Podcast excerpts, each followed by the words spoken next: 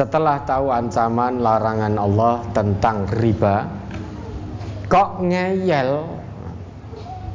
Tidak mau keluar dari riba tidak mau hijrah dari tempat-tempat riba nyaman di situ tetap ngeyel ya sudah. Faulaika ashabun narhum fiha khalidun. Dijanjikan oleh Allah mereka jadi penghuni-penghuni neraka, menjadi bahan bakar neraka di dalamnya selama-lamanya.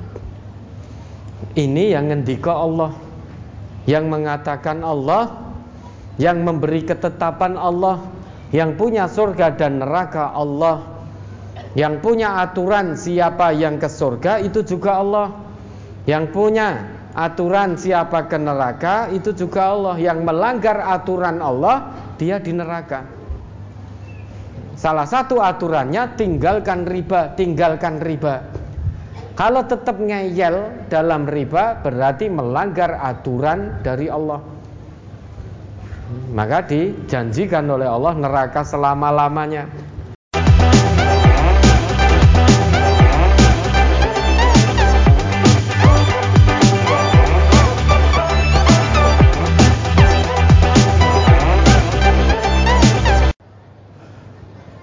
Assalamualaikum warahmatullahi wabarakatuh. Waalaikumsalam. Mari kita mulai. Bismillahirrahmanirrahim. Ya, ada pertanyaan dari brosur? Ada beberapa pertanyaan dari brosur Ustaz. Yang pertama halaman kedua masuk ke halaman tiga, yakni di surat Al-A'raf ayat 86. A'udzu billahi minasyaitonir rajim.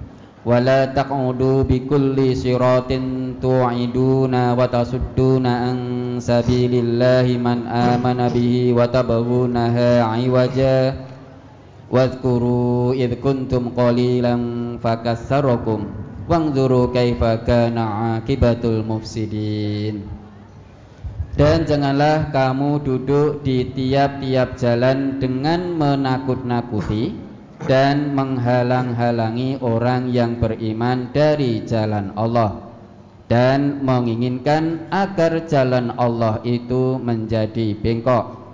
Dan ingatlah di waktu dahulunya kamu berjumlah sedikit, lalu Allah memperbanyak jumlah kamu.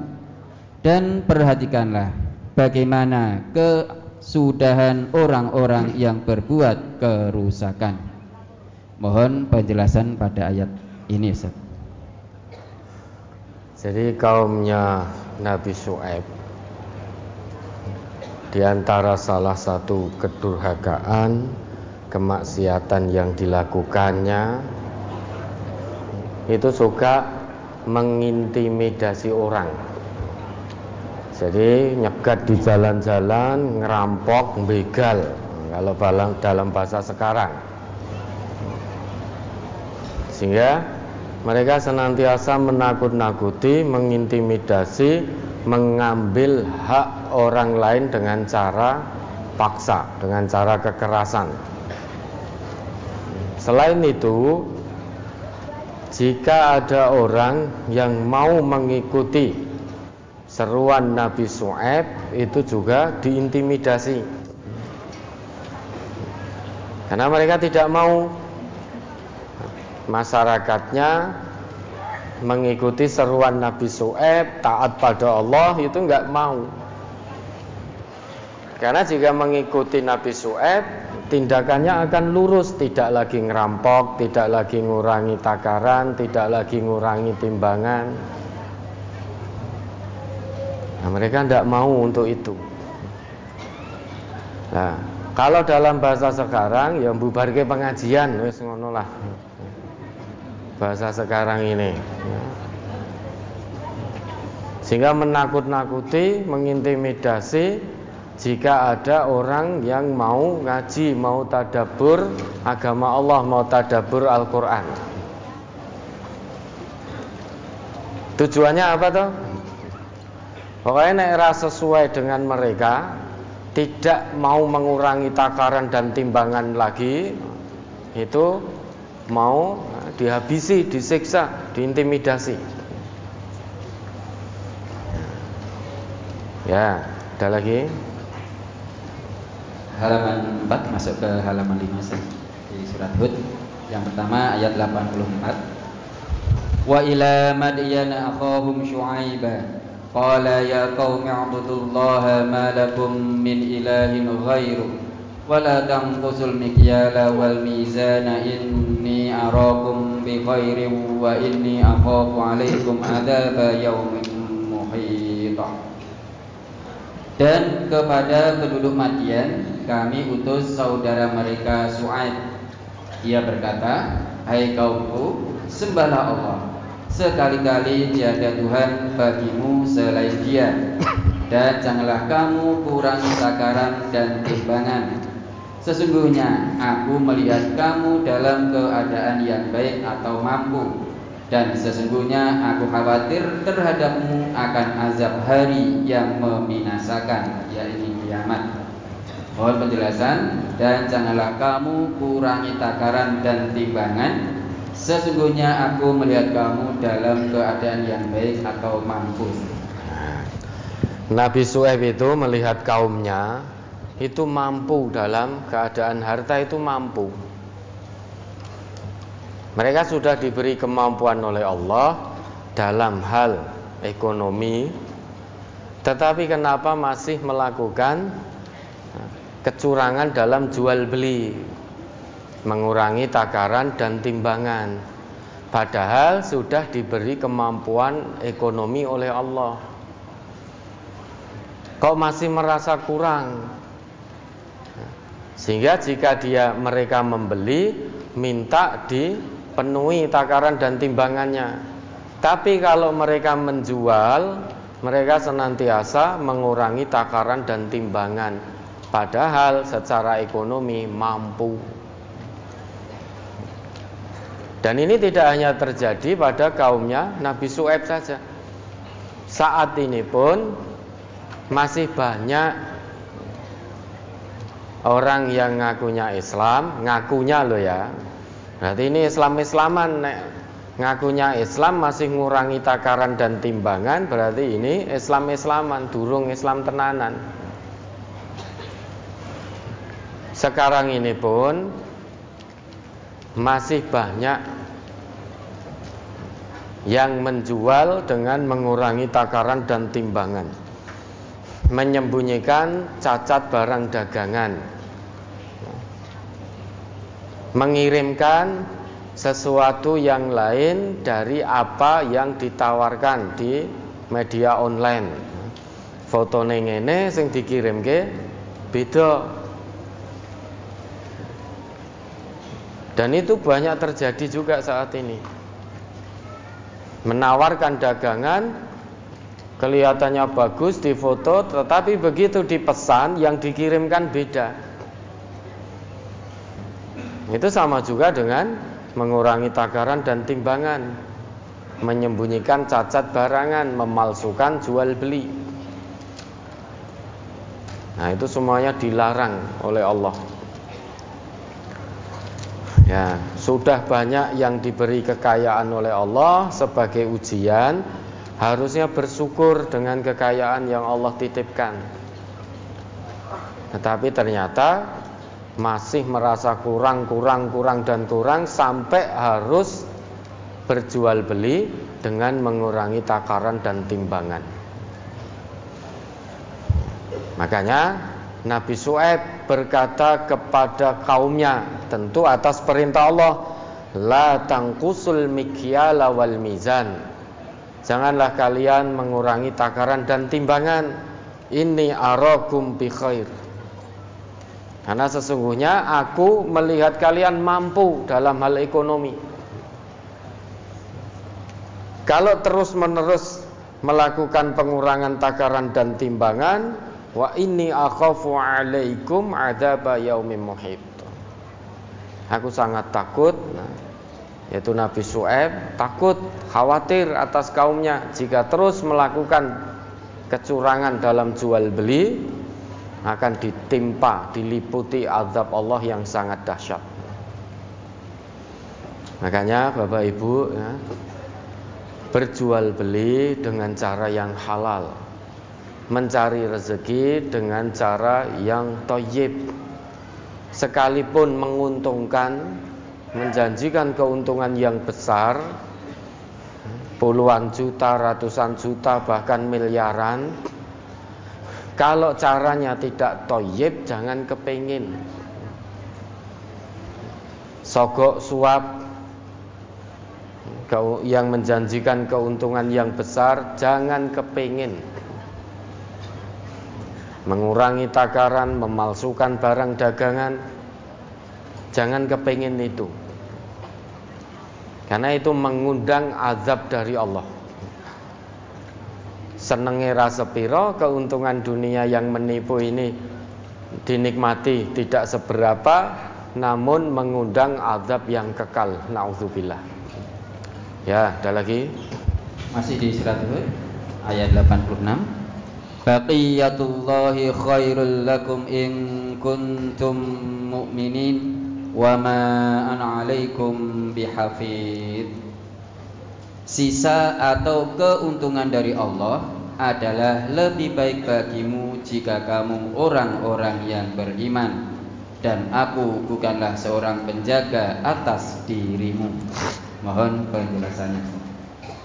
Jadi keuntungan yang didapatkan dengan cara jual beli yang halal meski sedikit itu lebih baik di sisi Allah karena itu dari Allah. Sesuatu yang haram pasti buruk karena bukan dari Allah. Kamu jujur berjual beli pas dalam takaran dan timbangan meski hanya mendapatkan keuntungan secara lahirnya sedikit namun itu dari Allah berkahnya melimpah. Dan itu lebih baik daripada kamu mengurangi takaran dan timbangan meski secara lahir keuntungannya lebih banyak namun itu jalan yang haram. Tidak ada berkah di sisi Allah, justru dosa yang didapat.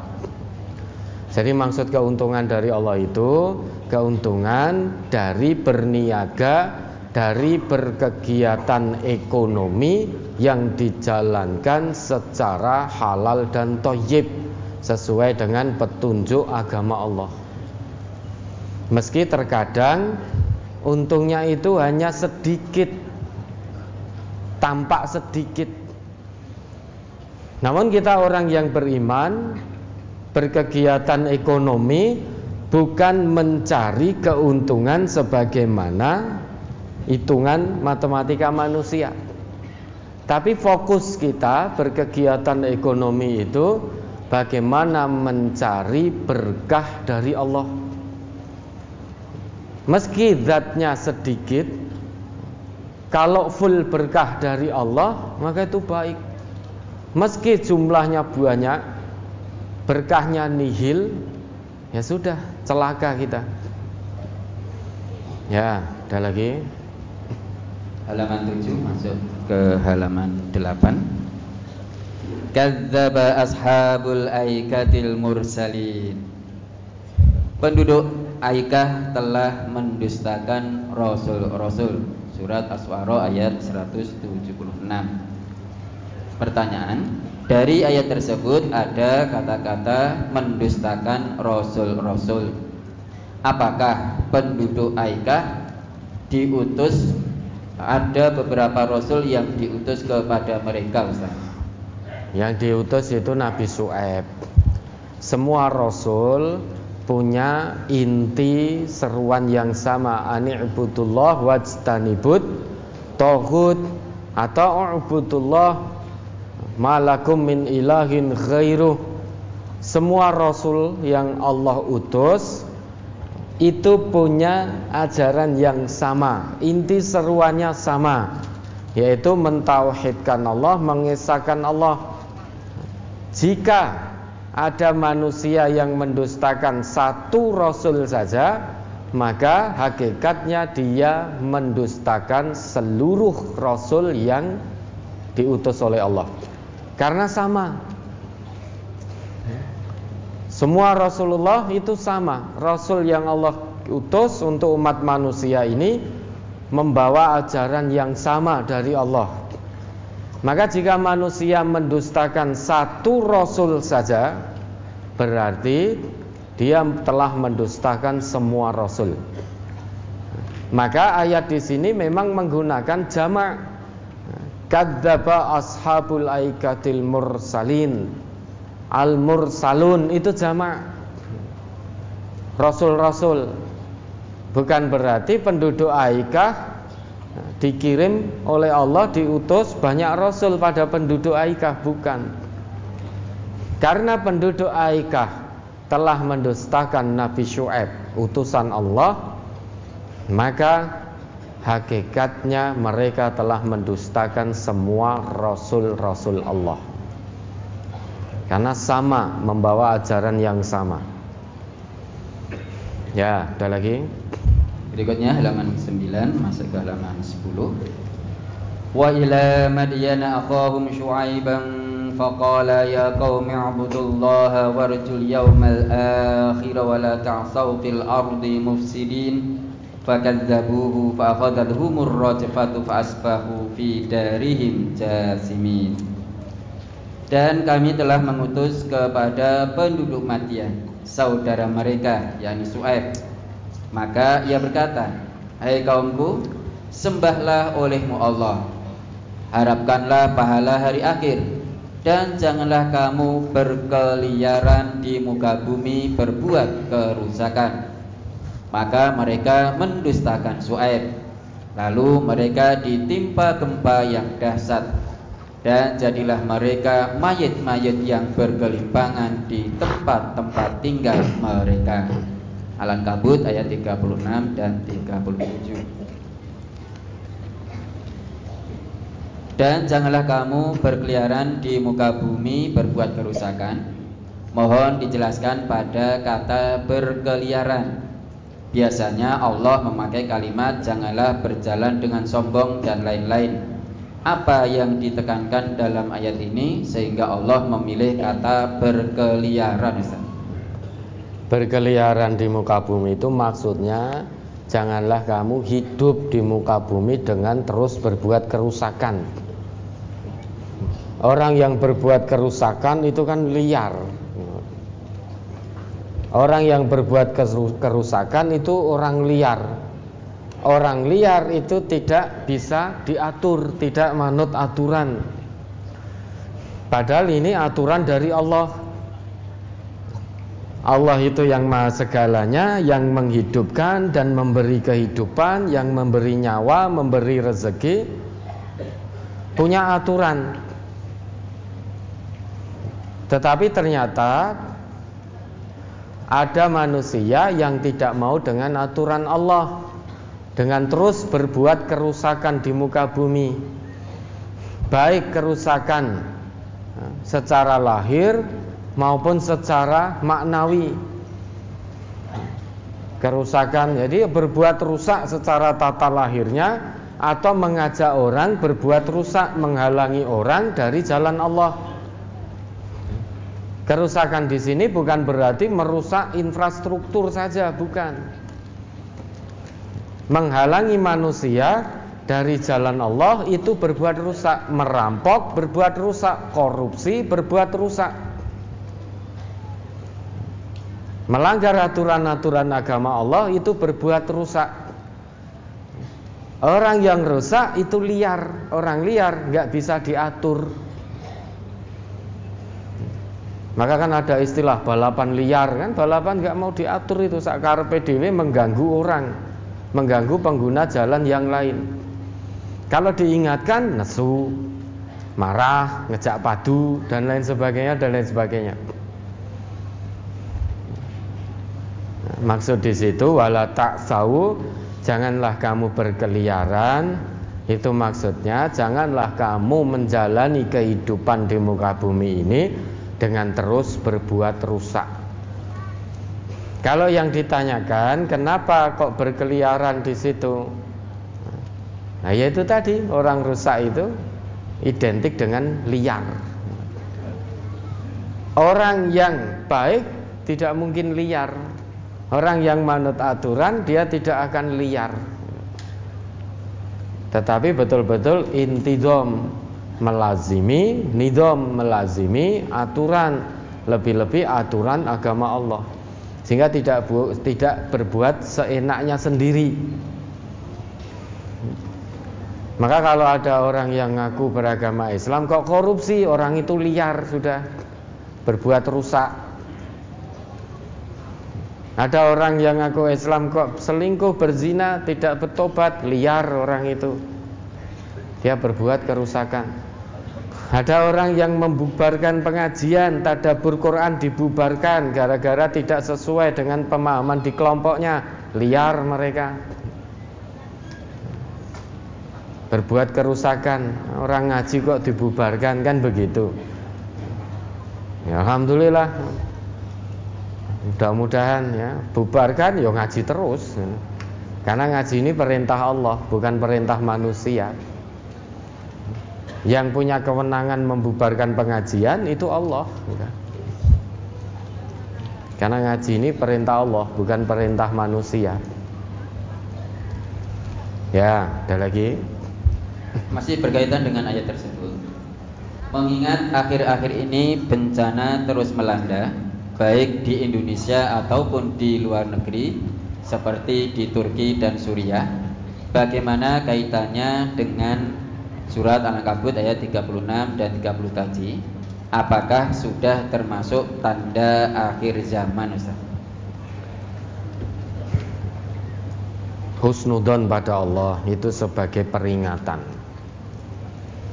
Ya. Itu sebagai peringatan dari Allah. Mudah-mudahan bencana yang datang silih berganti khususnya di negeri kita ini mudah-mudahan itu sebagai peringatan dari Allah sehingga kita bisa mengambil ibrah berhenti dari kemaksiatan kalau ada yang mengatakan bencana yang datang silih berganti itu merupakan fenomena alam biasa. Jangan bawa-bawa agama, kan gitu. Kita ini sebagai hamba Allah tentu lebih yakin, lebih percaya dengan informasi yang diberikan oleh Allah daripada informasi yang diberikan oleh manusia seperti kita-kita ini. Sedangkan Allah menginformasikan wa makana rabbuka liyuhlikal qura bidulmin wa ahluha muslihun. Coba diingat kembali itu beberapa akad yang lalu juga sudah pernah ditanyakan.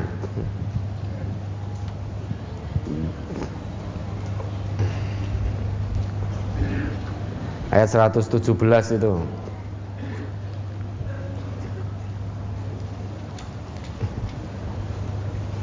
surat Hud surat ke-11 ayat 117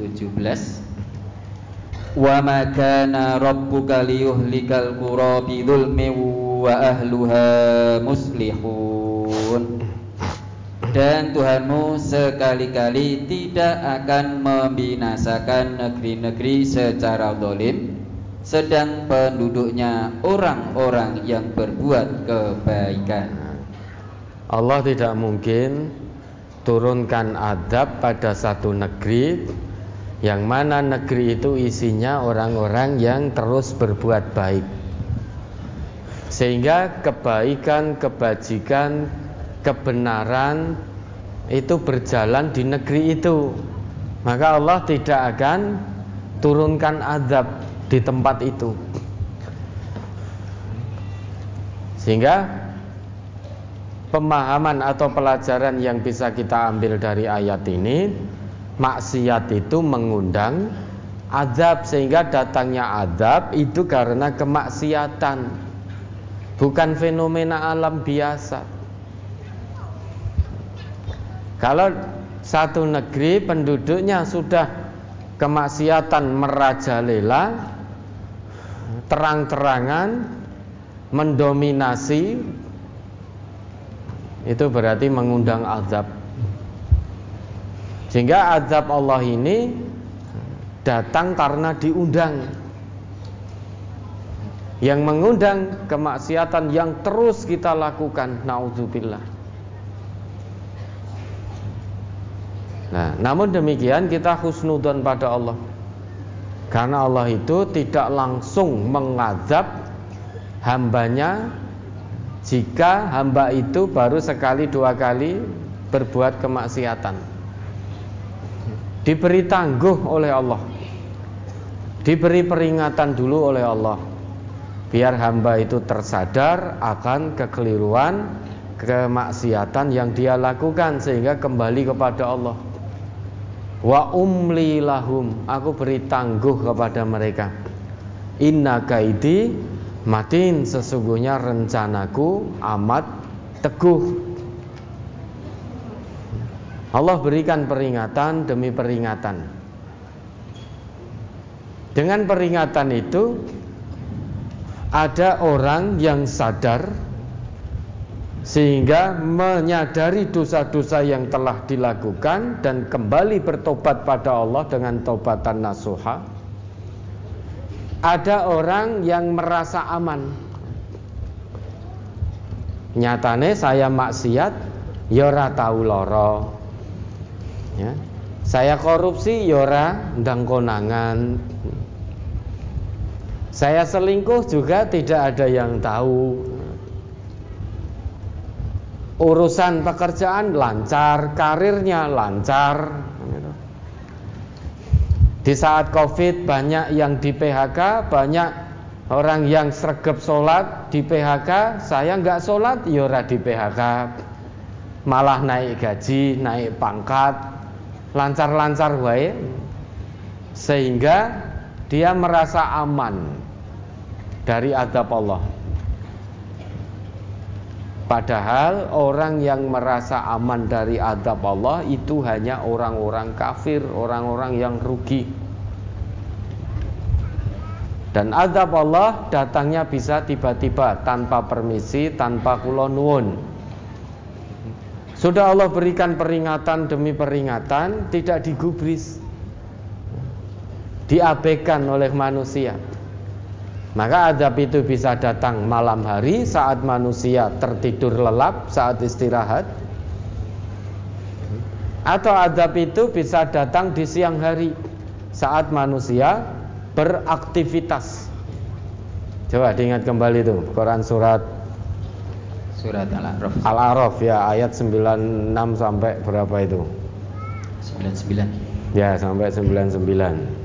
Surat Al-A'raf surat ke-7 ayat 99 sampai 9 uh, 9. Walau anna ahlal qura amanu wattaqau lafatahna alaihim barakatim minas samai wal ardi walakin kadzabu fa akhadnahum bima kanu yaksibun Afa amina ahlul qura ayyatiyahum ba'suna bayatan wa hum naimun? Awa amina ahlul qura ayyatiyahum ba'suna duhaw wa hum yal'abun? Afa aminu makrallah? Fala ya'manu makrallahi illal qaumul khasirun. Jikalau sekiranya penduduk negeri-negeri beriman dan bertakwa pastilah kami akan melimpahkan kepada mereka berkah dari langit dan bumi. Tetapi mereka mendustakan ayat-ayat kami itu, maka kami siksa mereka disebabkan perbuatannya. Maka apakah penduduk negeri-negeri itu merasa aman dari kedatangan siksa kami kepada mereka di malam hari? Di waktu mereka sedang tidur. Nah, ini. Jadi siksaan Allah, azab Allah itu bisa datang di malam hari saat manusia terlelap dalam tidurnya. Saat istirahat nah, dari lelah yang sudah melanda sejak siang hari, harusnya malam hari istirahat dengan nyaman. Namun karena peringatan yang Allah berikan terus diabaikan, maka malam hari pun tanpa permisi, tanpa kulonwun azab Allah bisa datang. Terus atau apakah penduduk negeri-negeri itu merasa aman dari kedatangan siksa kami kepada mereka di waktu matahari sepenggalan naik ketika mereka sedang bermain? Ya. Kalau azab Allah itu bisa datang di malam hari saat manusia istirahat, azab Allah pun juga bisa datang tiba-tiba saat manusia beraktivitas, saat bekerja, saat bermain, saat berolahraga dan lain sebagainya dan lain sebagainya. Sehingga kesimpulannya azab Allah itu datangnya kapan saja. Setiap saat, setiap waktu. Tidak harus nunggu malam dulu, tidak harus nunggu siang dulu bisa terjadi sepanjang waktu selama peringatan-peringatan diabaikan Allah sudah berulang kali kirim peringatan Tidak hanya sekali, dua kali, tiga kali Tapi terus Allah kirimkan peringatan itu. Tapi manusia justru merasa aman. Nyatanya durhaka, nyatanya maksiat Ya aman-aman saja. Mana janji Allah Yang akan menurunkan azab? Nantang malahan. Terus? Maka apakah mereka merasa aman dari azab Allah yang tidak terduga-duga? Tiada yang merasa aman dari azab Allah kecuali orang-orang yang merugi. Afa aminu makrallah fala ya'manu makrallah illal qaumul khasirun. Orang yang merasa aman dari siksaan Allah yang datangnya bisa tiba-tiba sewaktu-waktu tanpa permisi tanpa harus menunggu tobat dulu. Orang yang merasa aman itu hanya orang-orang yang rugi dunia rugi akhirat. Maka kita husnudon bencana yang datang silih berganti mudah-mudahan itu sebagai peringatan dari Allah sehingga penduduk negeri yang kita cintai ini bisa mengambil ibrah lebih-lebih negeri kita ini mayoritas penduduknya beragama Islam. Berhenti total dari kemaksiatan kembali kepada Allah. Jika itu bisa dilakukan niscaya bukan azab yang turun di negeri ini. Nauzubillah namun berkah dari Allah dari langit dan bumi digerojokkan oleh Allah di negeri yang kita cintai ini. Syaratnya iman dan takwa walau anna ahlal qura amanu wattaqau lafatahna alaihim barakatim minas samai wal ard.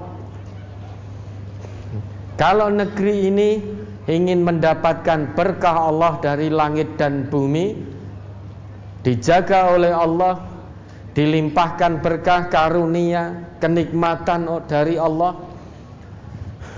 Jangan tinggalkan iman dan takwa.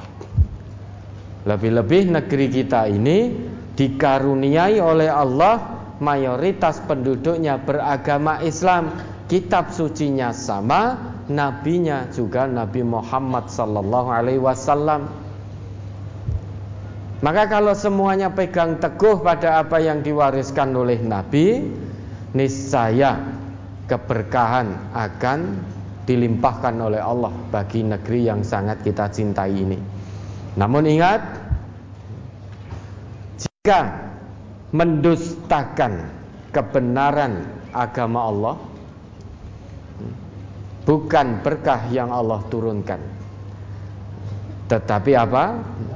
azab yang akan Allah turunkan itu ketetapan Allah itu sunatullah yang terus akan berlaku sepanjang masa sampai hari kiamat.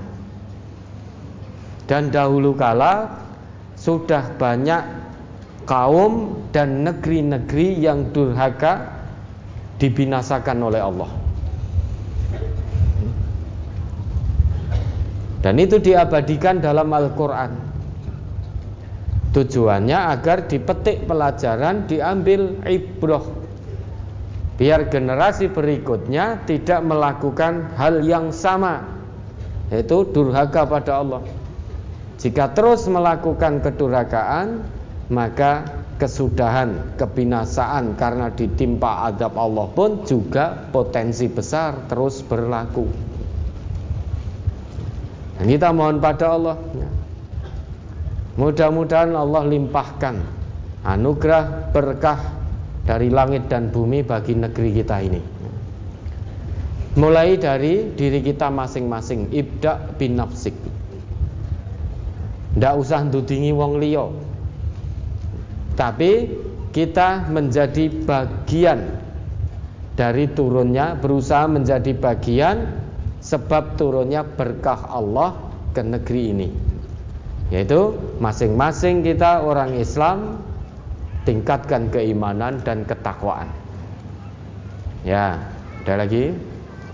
Halaman terakhir di surat Al-Hijr 78 dan 79. Wa in kana ashabul aikati ladzalimin famtaqamna minhum wa innahuma labi imamin mubin.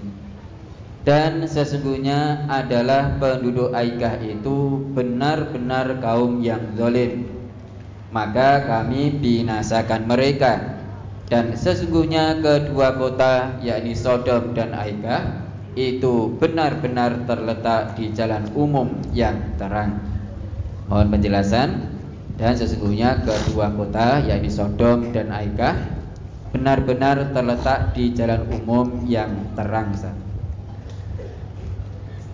Jadi jalan umum yang terang itu bisa dilihat sampai sekarang sampai nanti hari kiamat ya, kota itu bagi orang yang bepergian melewati kota itu masih bisa melihat jejak-jejak kaum pendurhaka.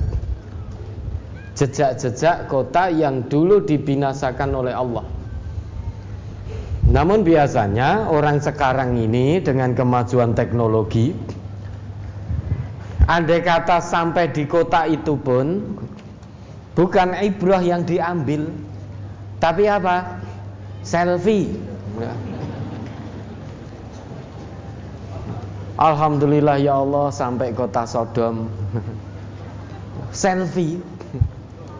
Padahal jejak itu masih ada atas izin Allah biar diambil ibrah pelajaran. Kalau Bapak Ibu ternyata melintasi kota itu, ambil pelajaran, ambil ibrohnya. Orang malah sibuk selfie selfie kan itu. Kalau selfie saja, tujuannya ke sana untuk selfie, ya tidak bisa mengambil pelajaran. Maka sampai di sana atau tidak, ya sama saja. Nah nanti kalau panjenengan ditakdirkan oleh Allah melintas kota itu maka bisa melihat jejak-jejaknya. Oh ternyata ini dulu kota yang dibinasakan oleh Allah karena penduduknya durhaka. Oh ternyata seperti ini seperti ini. Maka jadikan pelajaran. Seolah-olah kota itu belum pernah ada yang menempati. Seolah-olah kota itu menjadi kota mati tidak pernah ditempati oleh manusia. Padahal lama manusia bertempat tinggal di kota itu. Tapi karena kedurhakaan dibinasakan oleh Allah, hancur lebur sudah. Tinggal jejak-jejaknya saja yang bisa diambil pelajaran bagi orang-orang yang berpikir, bagi orang-orang yang berakal sehat. Termasuk jika panjenengan ke ahram, ke piramid, ambil pelajarannya. Ketika melihat mumi Fir'aun, ambil pelajarannya. Jangan hanya ke sana mau pengen selfie. Bahwa ternyata kita wujudnya Fir'aun ini menungsone kaya ngene kita. Ambil pelajarannya.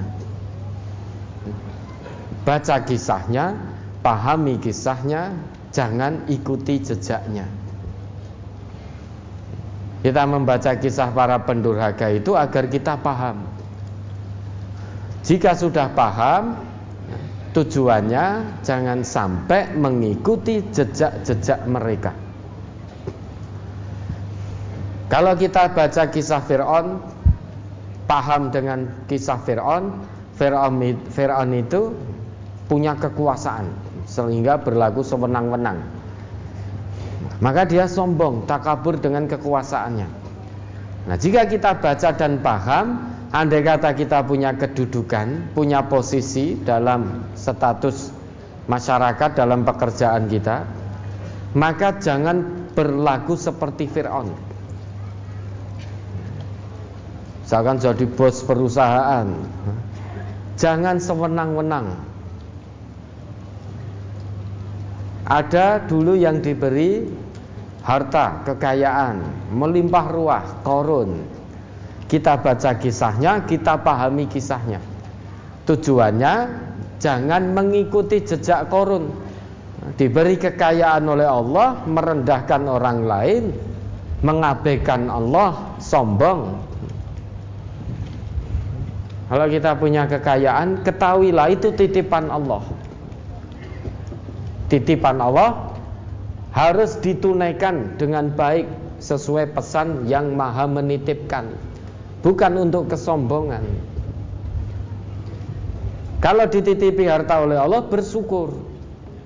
Cara bersyukurnya menggunakan harta itu di jalan yang Allah ridhoi. Gunakan sebagian untuk sabilillah. Keluarkan zakatnya belanja sesuatu yang memang tidak dilarang oleh agama. Gemar bersedekah, infak dan lain sebagainya. Dengan demikian, insya Allah kita menjadi pribadi yang muktaman, bisa menjaga amanah berupa harta dari Allah ini. Tidak seperti korun. Dulu pernah ada orang yang diuji dengan kejeniusan. Siapa itu? Haman. Kita baca kisah Haman, paham kisah Haman, andai kata Allah uji kita, sekolah formal formal kita tinggi, sundul langit, gelarnya berderet, jangan sombong dengan itu.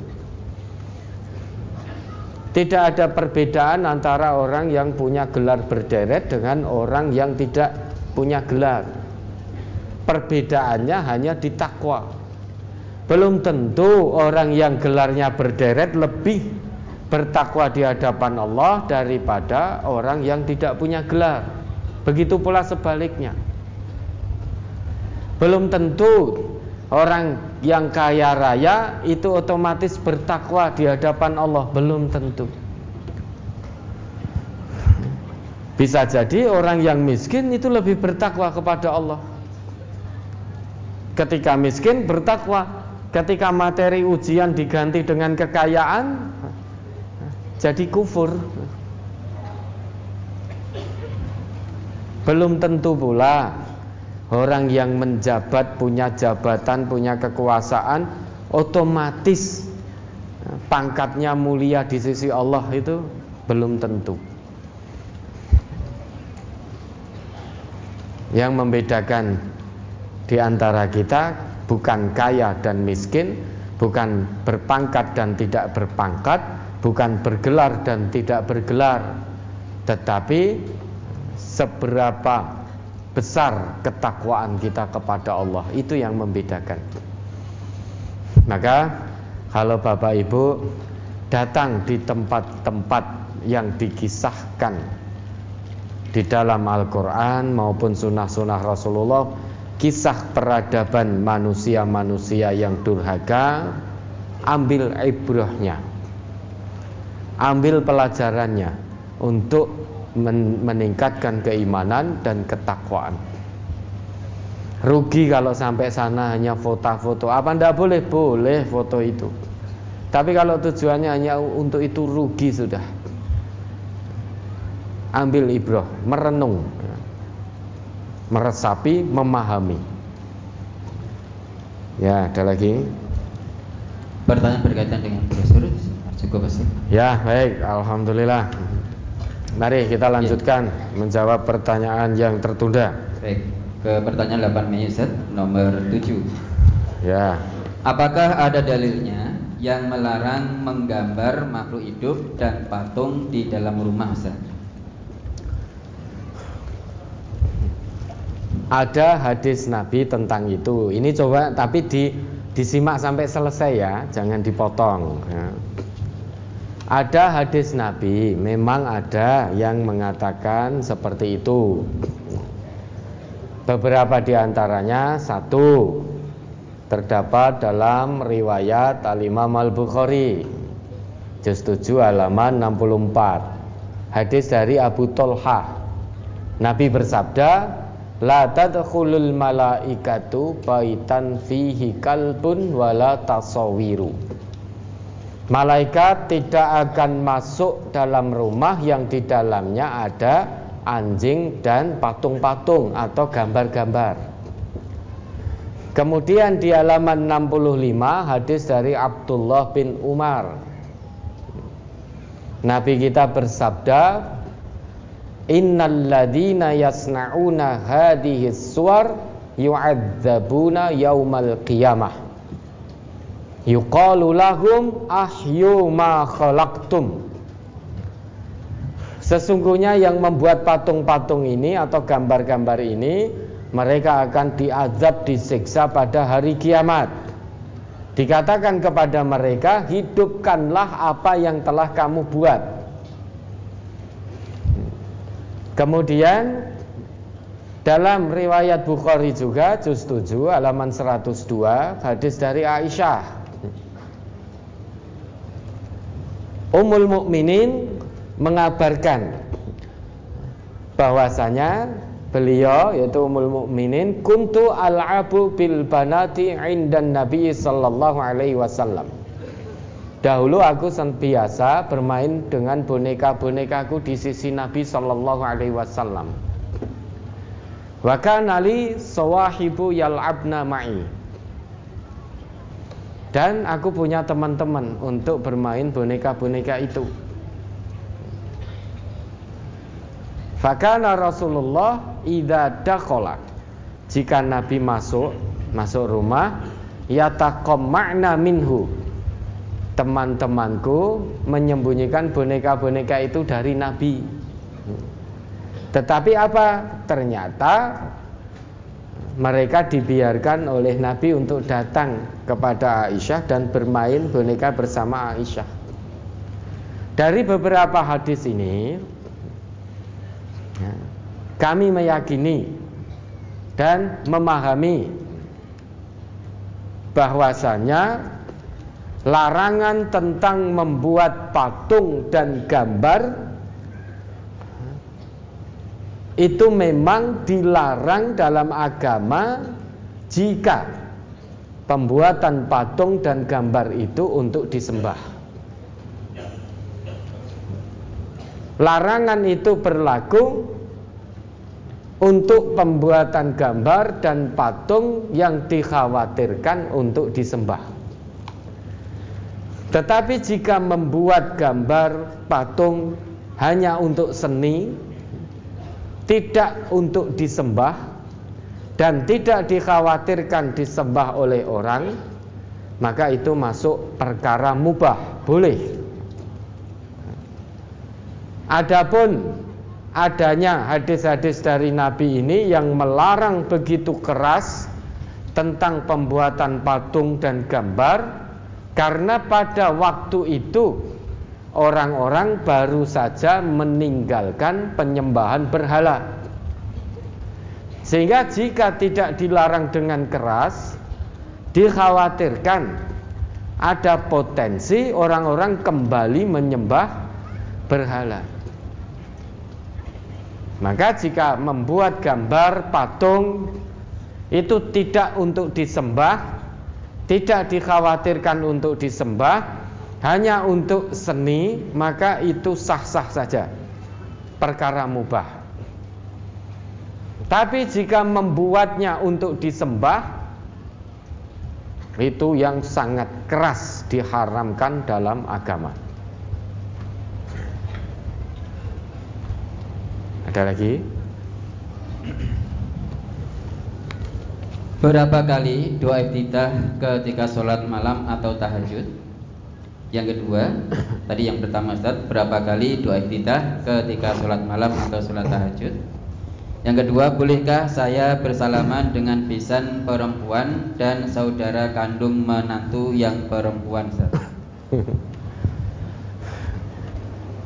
Doa iftitah itu dibaca setiap sesudah takbiratul ihram. Maka jika bapak atau ibu ini sholat malam dua rakaat, maka sesudah takbiratul ihram itu baca doa iftitah. Lah nanti setelah salam berdiri, berdiri lagi untuk sholat dua rakaat maka sesudah takbiratul ihram baca lagi doa iftitah, begitu seterusnya. Berapa kali dalam semalam ya tergantung jenengan. Kalau sholat malamnya empat rakaat dua kali salam berarti berapa kali? Dua kan itu. Kemudian yang kedua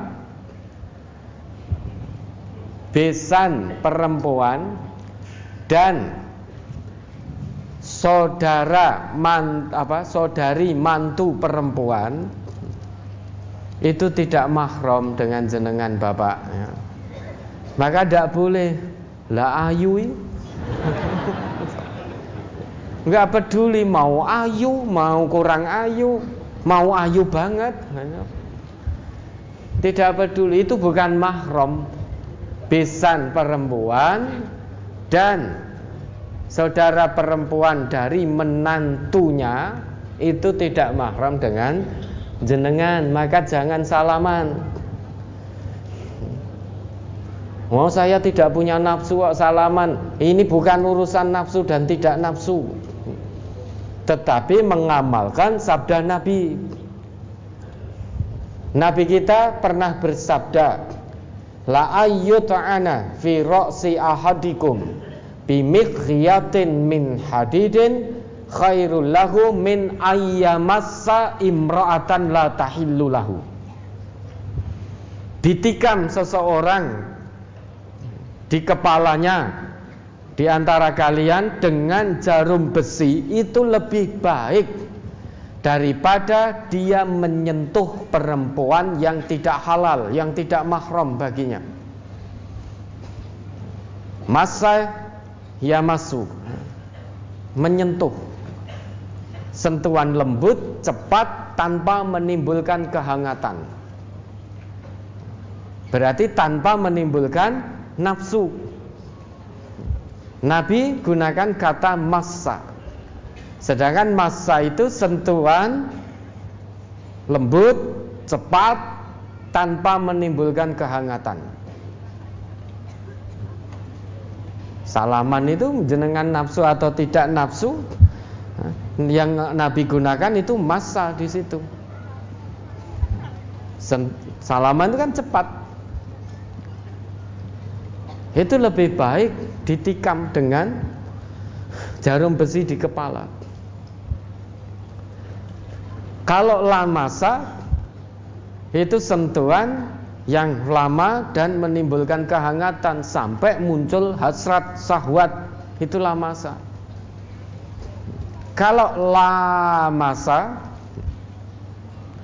itu berarti muasyarah zaujiyah hubungan intim bersetubuh itu lamasa. Kalau lamasa lamnya pendek itu sentuhan yang menimbulkan kehangatan, menimbulkan nafsu. Kalau masa sentuhan ringan, cepat tanpa menimbulkan kehangatan.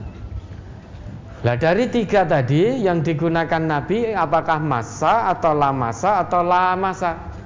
Ternyata masa khairul lahu min ayyamassa imra'atan la tahillu lahu. Maka hati-hati. Kalau tidak sengaja tidak masalah. Masa wong salaman rasa ngojo?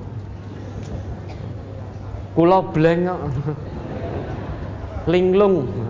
Tiba-tiba salaman. Kalau dengan yang cantik saja ngakunya blank. Dengan bos pimpinan perusahaan, kebetulan perempuan cantik jelita bosnya. Tiba-tiba blank. Pura-pura lupa. Biar salaman. Tapi nek ora dengan yang pakai ayu ora blank-blank kan Alasannya ini akhafullah jak salaman ngene. Aku takut pada Allah karena menurutnya orang patek ayu. Kalau dilihatnya cantik dia ulurkan tangan. Dari masa harusnya salaman cepat karena cantik menjadi masa disuwek-suwek nih. Muncul hasrat. Ya, sehingga salaman itu tidak ada kaitannya. Muncul syahwat atau tidak muncul syahwat.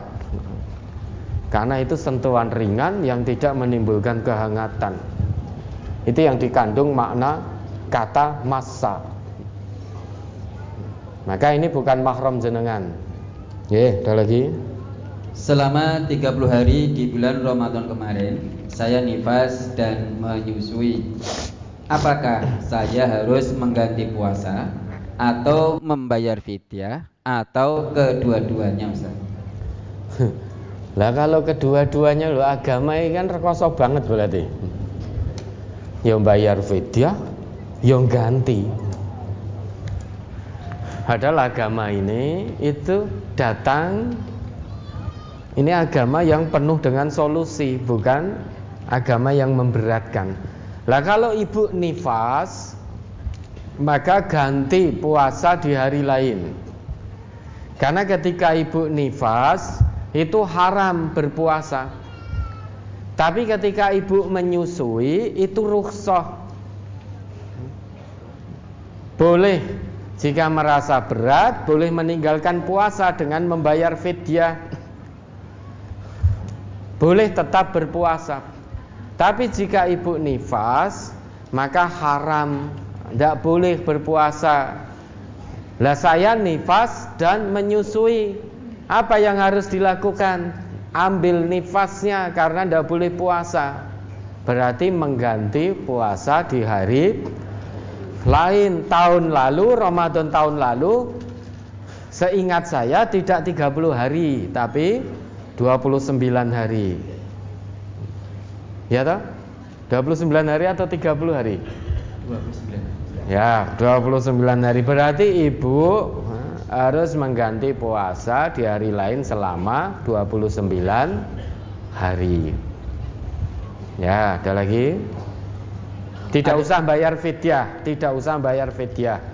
Cukup ganti puasa di hari lain. Ada lagi? Ada masjid yang mengosongkan soft sholat berjamaah jika di tengah masjidnya ada tiangnya karena dianggap merusak rapatnya soft. Apakah ada hadis yang menggambarkan kasus seperti ini Ustaz? Saya tidak tahu. Tanya takmirnya, kenapa kok masjid yang tengahnya ada tiangnya dikosongkan ini ada apa? Ya. Misal seperti ini.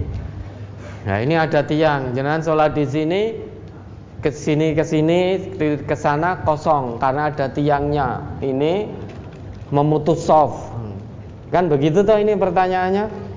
Nah, tanya pada takmirnya. Jangan tanya saya, saya nggak ngerti. Yang saya tahu ya, menjalankan perintah agama ini semaksimalnya. Kalau memang situ ada tiangnya, ya samping kanan kirinya begini berjajar. Meski tengah ada tiang, tetap kanan kirinya rapat berjajar, tetap diisi. Ya, ada lagi. Saya ikut arisan 50 ribuan kali 100 minggu atau 100 nomor. Dapatnya 5 juta. Tetapi yang pegang arisan itu minta upah satu kali sehingga asoknya arisan menjadi 101 kali. Yang saya tanyakan, asok yang sekali itu termasuk riba atau tidak? Dan apakah saya termasuk mensukseskan riba atau tidak Ustaz?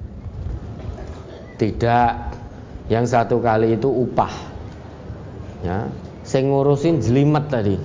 Mengingatkan ini eh bayar, Bu, jenengan belum bayar. Yo datang ke sana. Ya toh, ke rumahnya nagih dan lain sebagainya mengingatkan.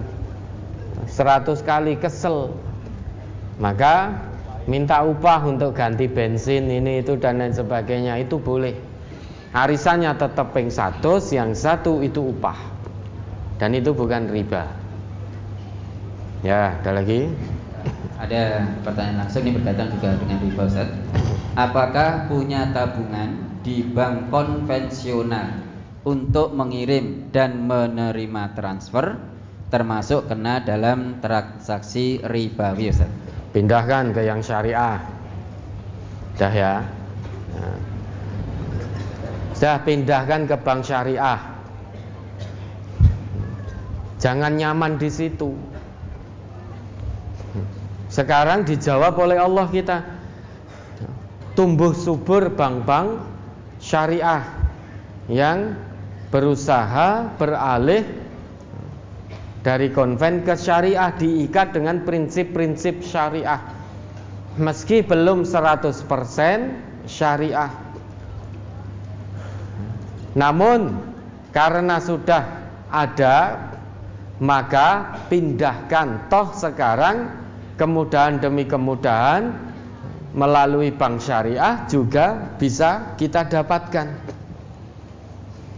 Mau transfer mau ini itu mudah kok di bank syariah sekarang. Bukankah itu jawaban dari Allah atas permohonan kita? Jangan nyaman di situ, pindahkan sudah. Sudah ada yang syariah, kenapa milih yang non syariah? Sedangkan perintah Allah fattaqullah mas tata'tum Bertakwalah kepada Allah dalam arti Jalankan agama Allah ini semaksimalnya. Lah sekarang sudah ada bank syariah, lembaga keuangan syariah.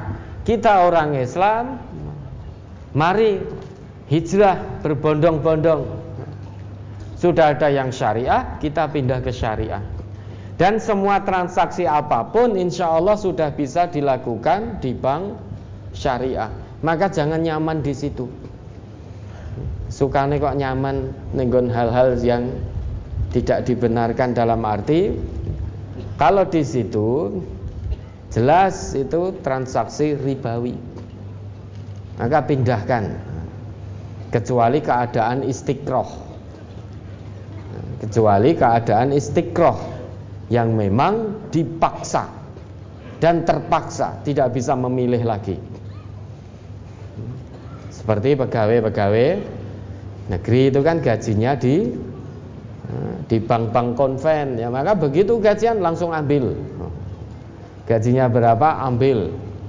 Gajinya berapa? Ambil.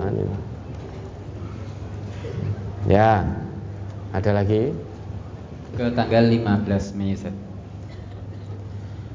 saya bekerja di Kalimantan sementara keluarga di Sukoharjo Anak saya santri kelas 2 di Pondok Pesantren MTA Karanganyar. Saat perpulangan libur puasa, saya jemput dari pondok, lalu saya balik lagi kerja di Kalimantan.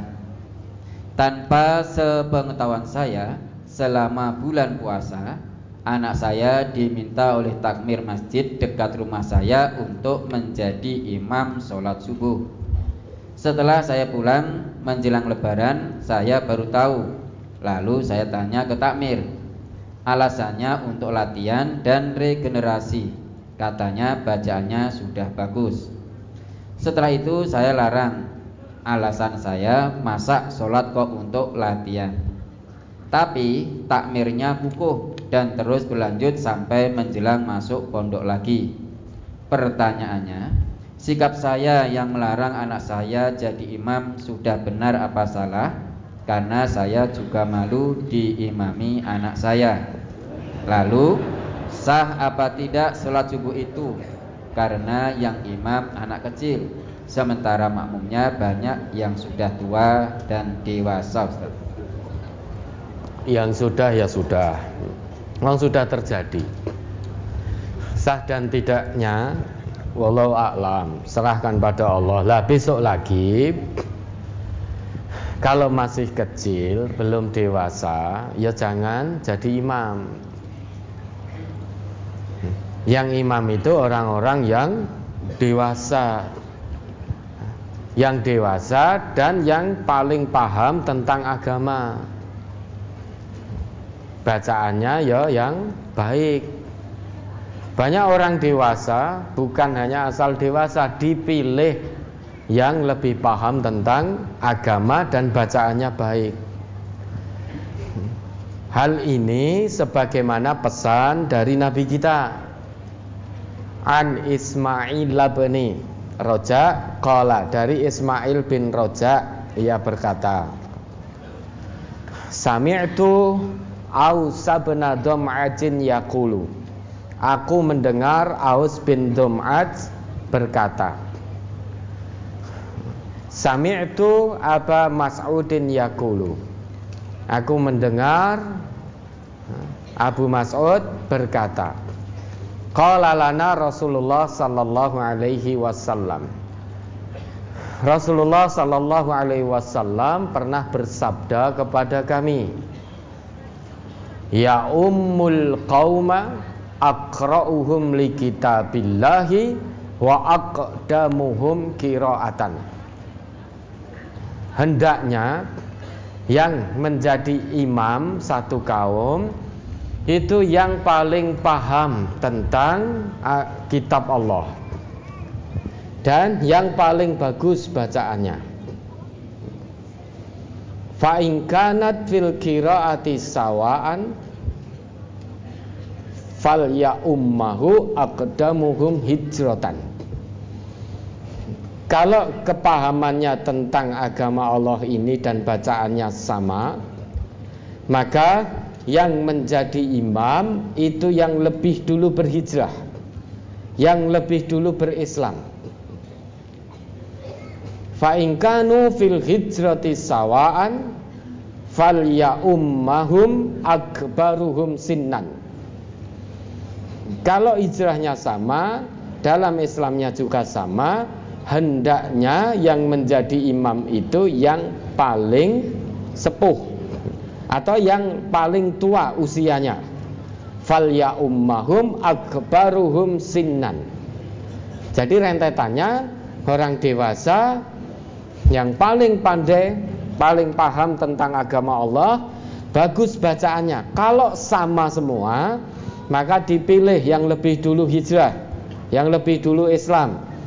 Kalau sama semua, maka di antara mereka itu dipilih yang paling tua.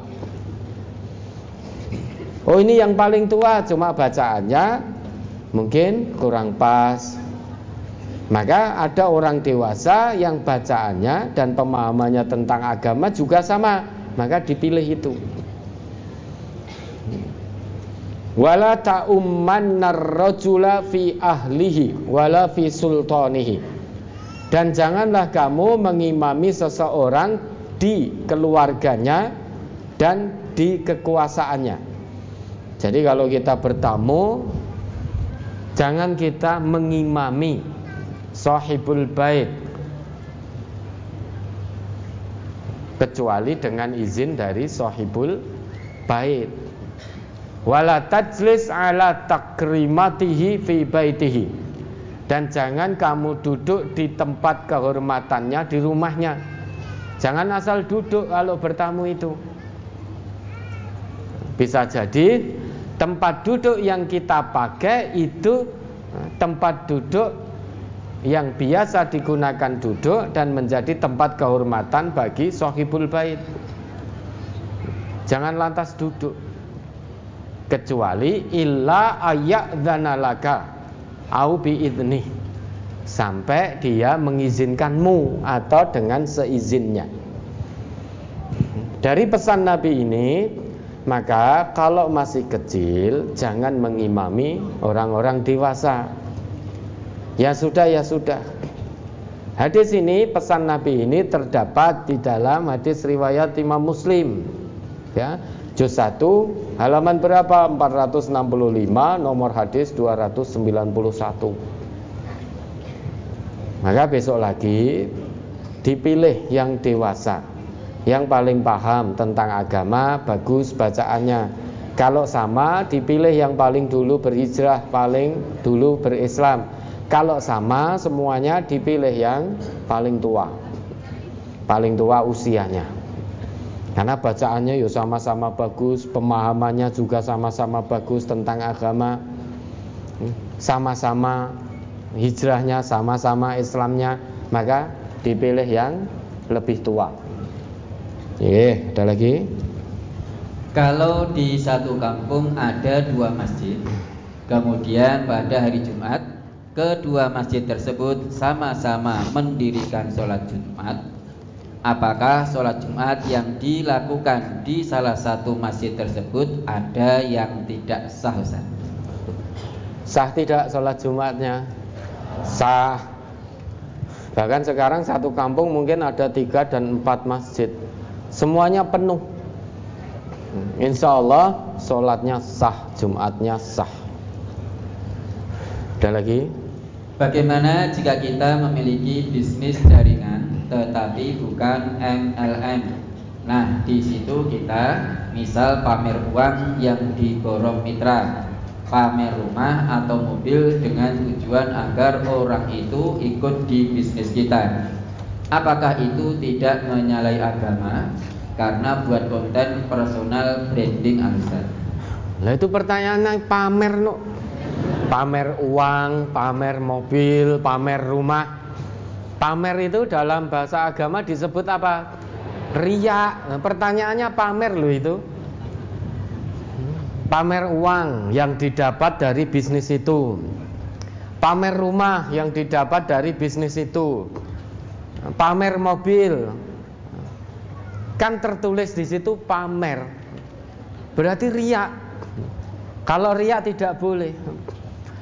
Mungkin maksudnya memberi motivasi, bukan pamer.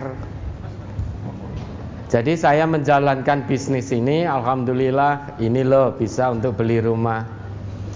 Nanti jika kamu ikut, insya Allah kalau tekun atas pertolongan Allah punya potensi yang sama, bisa beli rumah juga. Namun jika yang dipasang di foto di video itu bukan rumahnya sendiri, itu palsu berarti. Rumahnya orang. Atau rumah hasil beli bukan dari bisnis itu. Mungkin rumah warisan. Sehingga difoto di video. Kemudian dia branding bahwa dengan bisnisnya itu sudah bisa beli rumah ini. Padahal rumah pemberian orang tua bukan hasil dari bisnisnya. Berarti itu menipu, tidak boleh, haram. Banyak kok sekarang yang begitu. Marketing, personal branding, tetapi dengan tipuan. Oh nanti bisa beli ini, beli ini, beli ini. Ini loh hasilnya. Tiba omai wong. Tiba mobil wong disilih sedilit rental mobil, tinggal foto-foto, video untuk personal branding. Menipu orang agar tertarik ikut bisnisnya. Kalau itu rumah sendiri, mobil sendiri, betul diberi dibeli dari bisnis itu, namun tujuannya untuk pamer yaitu riak namanya. Tapi kalau tujuannya untuk memotivasi, dan tidak ada unsur menipu memang itu rumahnya dibeli dari hasil bisnisnya ya tidak apa-apa. Tergantung niatnya tapi hati-hati Bapak Ibu setan itu pinter banget. Setan itu pinter banget. Mungkin ketika kita upload itu insya Allah saya nggak akan tergoda oleh bujuk rayu setan Awalnya memotivasi, lama-lama komen di bawahnya, wah indah sekali ya bun rumahnya, alhamdulillah besar sekali. Wah barangnya mewah-mewah, ornamennya nomor satu. mobilnya mobil mewah. Lama-lama nah, setan masuk menjadi besar kepala. Membaca komenan itu seperti melayang-layang di udara. Karena pujian dipuja-puji sehingga melayang ke awang-awang. Hati-hati ya. Setan itu sangat pandai menggelincirkan manusia dari jalan Allah. Kalau yang dipertanyakan boleh apa tidak seperti itu?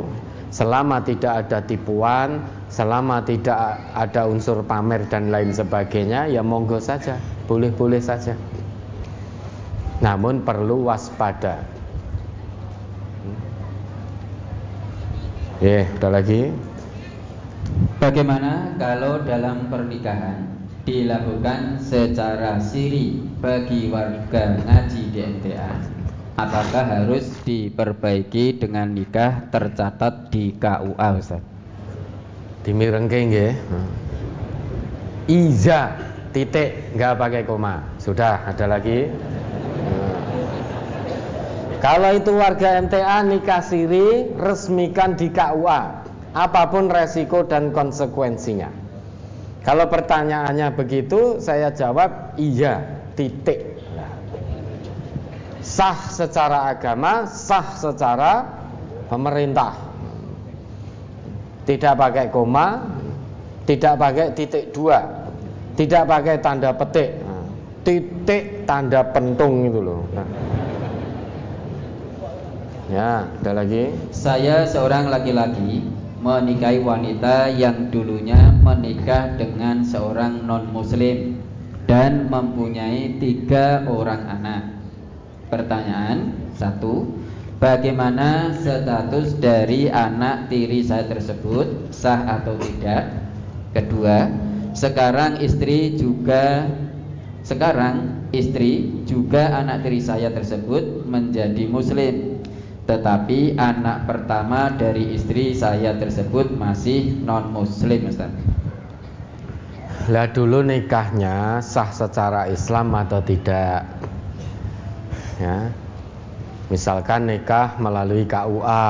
Kalau nikah melalui KUA insya Allah sah itu. Sah secara Islam, sah secara pemerintah. Kalau memang nikahnya secara Islam sah, maka status anak tiri itu juga sah dengan panjenengan. Ya, ada lagi? Sudah? Teman mengaji jualan roti, tetapi dia juga menerima orderan roti untuk ulang tahun. Rotinya minta ditulisi happy birthday, nama, umur, selamat ulang tahun apakah orderan roti ulang tahun itu termasuk kena surat Al-Maidah ayat 2 Ustaz? Lawang kematian semakin dekat kok diselamati. Berarti kan bertambah umurnya berkurang satu tahun. Neng roti ini ditulisi selamat ulang tahun arep mati loh. Kalau ditulisi selamat berarti selamat mati. Kan umur sudah berkurang satu tahun. Berarti semakin dekat dengan kubur. Nabi kita bersabda Al halalu bayin Wal haram bayin Wa bainahuma umurun musyabbahat La ya'lamuha kathirum minan nas. Halal itu sudah jelas. Di dalam kitab Allah dan sunnah Rasulnya yang haram demikian juga sudah jelas. Di antara yang halal dan haram ini banyak perkara-perkara yang samar-samar. Apakah dia halal atau dia haram? La ya'lamuha katsirum minan nas. Banyak manusia yang tidak tahu perkara yang samar-samar itu. Terus bagaimana? Yang harus kita lakukan? Pesan Nabi kita Famanittaqal musyabbahat istabra'a lidinihi wa irdih. Barang siapa yang menjauhkan diri dari perkara yang samar-samar Artinya tidak menjalankan perkara yang samar itu Maka sungguh dia telah mensucikan, membersihkan dirinya untuk agamanya dan kehormatannya Kenapa? Karena Nabi kita ngendika Faman Waqa'a fil musyabbahat faman waqa'a fis syubuhat barang siapa yang mengerjakan perbuatan yang samar-samar qara'in yar'a haulal hima. Yushiku ayywaqi'ahu Barang siapa yang mengerjakan perkara yang samar-samar Tidak tahu apakah ini kehalal atau keharam Kok dia mengerjakan. Maka digambarkan oleh Nabi kita Dia seperti seorang penggembala kambing Yang menggembala di sekitar daerah larangan. Hampir-hampir kambingnya itu masuk ke daerah larangan itu. Ya. Ala inna likulli malikin hima. Ketahuilah sesungguhnya setiap raja itu punya daerah larangan. Ala in wa inna himallahi maharimuhu. Dan ketahuilah sesungguhnya daerah larangan Allah itu adalah hal-hal yang diharamkan. Lah bagaimana dapat pesanan roti untuk ulang tahun dengan tulisan-tulisan seperti itu? Kita belum tahu apakah itu halal apakah itu haram. Maka jalankan saja pesan Nabi Jangan dikerjakan. Jangan dilakukan Kalau disuruh membuat kue ulang tahun Ya ditolak dengan halus. Karena kita tidak ngerti apakah itu halal Apakah itu haram. Karena ulang tahun itu tidak dikenal dalam Islam. Ulang tahun seperti itu Itu tidak dikenal. Nabi tidak pernah, para sahabat juga tidak pernah menjalankan ulang tahun. Ya, maka hati-hati, hati-hati. Jangan mudah-mudah mengerjakan perkara yang masih samar. Karena bisa jadi kalau kita kerjakan itu bisa jatuh kepada yang Allah haramkan tanpa kita tahu. Maka jauhi, hindarkan diri dengan demikian istabro'a lidinina wa irdina. Kita telah mensucikan diri untuk agama dan kehormatan kita. Oke, ada lagi? Ke tanggal 22 Mei, Ya. Saya setelah sholat di masjid di rumah menemani istri sholat. Pertanyaannya, Bolehkah menemani sholat di rumah Khususnya sehabis sholat asar dan sholat subuh Ustaz?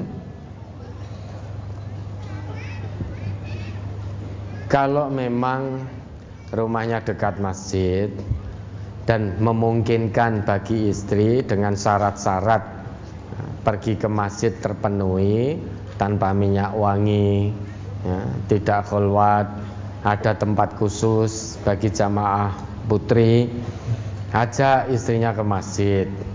Meski sebetulnya suami pulang dari masjid sampai rumah menjadi imam bagi istrinya itu juga boleh boleh kalau memang panjenengan sholat di masjid kemudian kondur dari masjid istrinya belum sholat maka jenengan boleh menjadi imam bagi istri. Yang tidak boleh itu mengulang sholat jamaah dengan sholat sendirian. Ya, ada lagi. Saya mempunyai teman bekerja sebagai pimpinan di salah satu bank konvensional. Mau saya ingatkan langsung tentang bahaya riba. Saya takut dia marah dengan saya. Rencananya mau saya ingatkan secara halus atau menyindir. Pertanyaannya, Dengan cara saya mengingatkan seperti ini, apakah sudah terlepas tanggung jawab saya saling mengingatkan sebagai sesama muslim? Catatan teman saya sudah mengaji Ustaz. Lah riba mengingatkan riba dengan sindiran itu ya. Ringatkan riba itu harus cetok. Lah kalau bapak atau ibu nggak berani ya sudah wong rawani.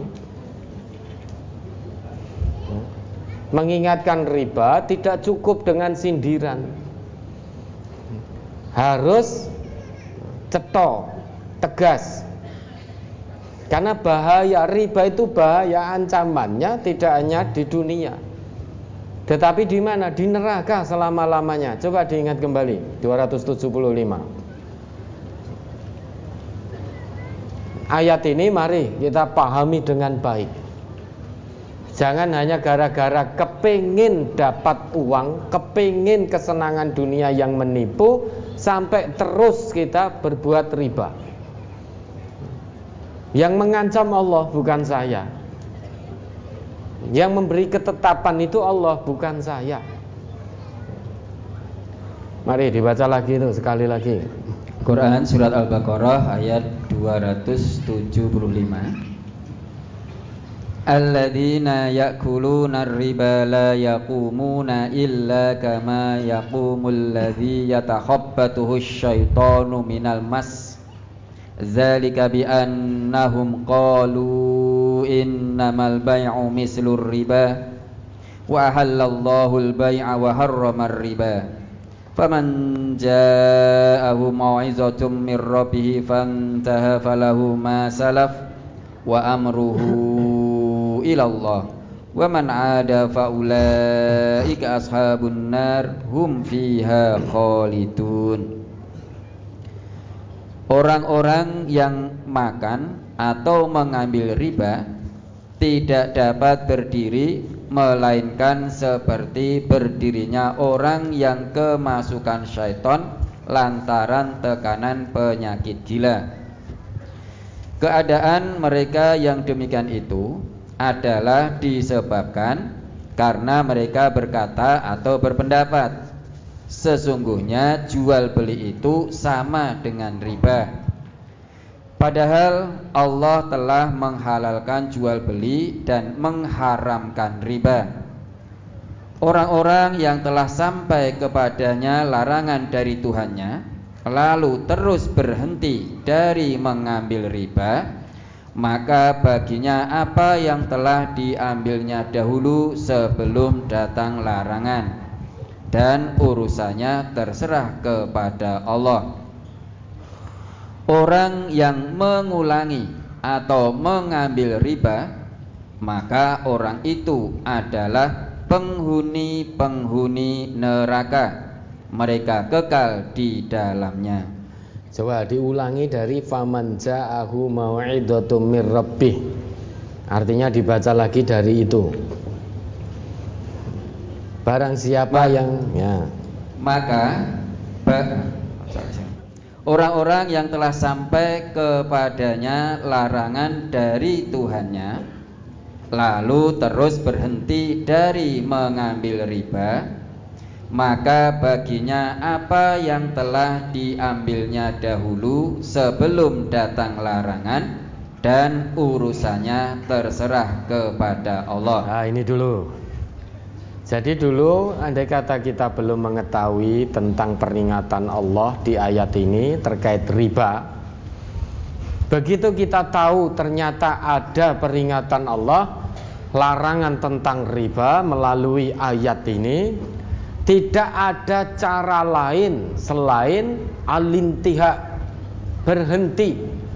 Alintiha minar riba. Karena ayatnya di situ Faman ja'ahu mau'idatu mir rabbih fantaha. Menggunakan huruf fa. Fa itu harfun bila hudud tidak ada jeda waktu lagi. Begitu datang peringatan hanya ada satu cara yaitu berhenti total. Tidak ngulur-ngulur waktu, oh nanti dulu, nanti dulu. Kecuali kalau ayat itu pakai wawu hurufnya. Faman ja'ahu mau'idatum mir rabbih wantaha pakai wawu berarti kita diberi kesempatan untuk mengulur waktu. Tetapi ternyata ayatnya menggunakan fa. Fa itu langsung sehingga tidak diberi lagi waktu oleh Allah kita. Kalau sudah tahu peringatan tentang riba, maka segera berhenti, jangan ditunda-tunda lagi, jangan diulur-ulur lagi. Karena kalau kita menunda, kalau kita mengulur, wah aku mandek engko nek wis ngene, nek wis ngene, nek wis ngene. Ya kalau sampai kalau besok mati masih dalam keadaan riba. Apalagi sudah tahu peringatan ini diabaikan riba ning neraka ya ben. Nek saya tidak riba, saya nggak bisa makan, nggak dapat pendapatan. Lah bagaimana saya memberi makan anak istri saya? kalau saya berhenti dari riba. Dah meski diancam oleh Allah riba di neraka yo ya ben tak nggonane dhewe. Sehingga abe tidak mau memahami ayat Allah ini sehingga ancaman yang begitu dahsyat dari Allah diabaikan hanya gara-gara ingin mendapat keuntungan dunia yang mataul ghurur Mataun kolil kesenangan yang sedikit dan menipu tidak kekal tidak abadi. Dia tinggalkan kesenangan di sisi Allah. Dia lebih memilih kesenangan dunia, kesenangan di sisi setan.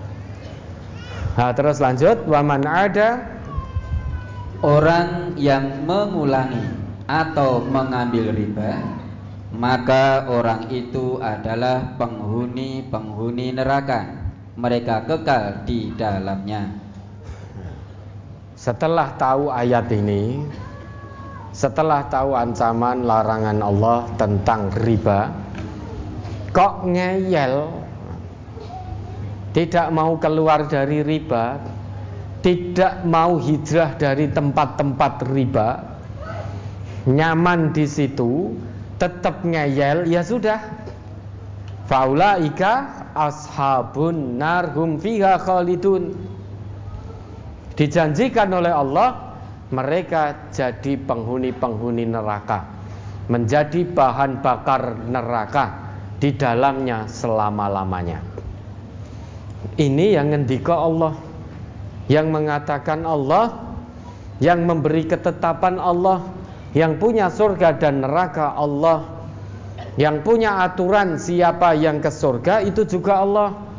Yang punya aturan siapa ke neraka itu juga Allah. Yang melanggar aturan Allah dia di neraka. Salah satu aturannya tinggalkan riba Tinggalkan riba Kalau tetap ngeyel dalam riba Berarti melanggar aturan dari Allah maka dijanjikan oleh Allah neraka selama-lamanya. Hidup di dunia hanya sementara. Jadilah orang beriman yang cerdas.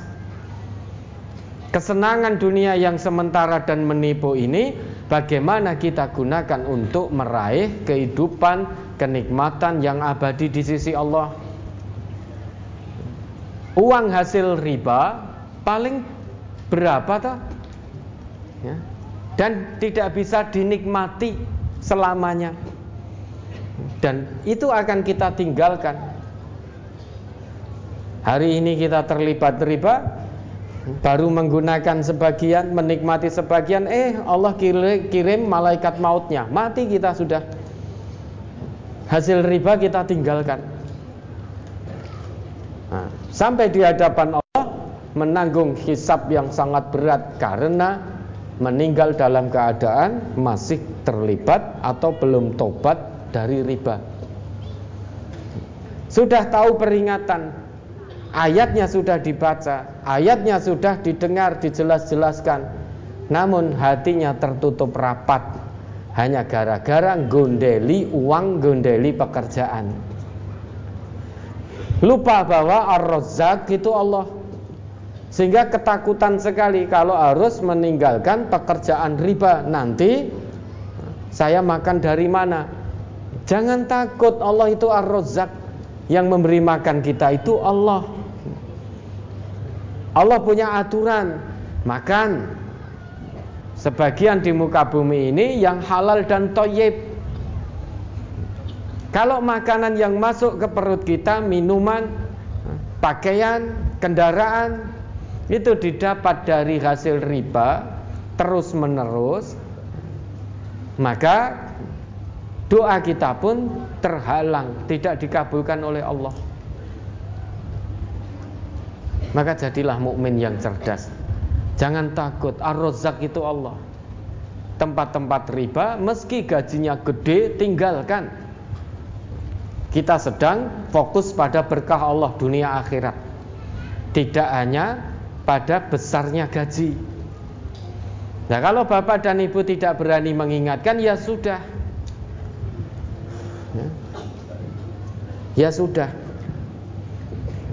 Terkait riba ini tidak cukup hanya dengan sindiran, harus tegas.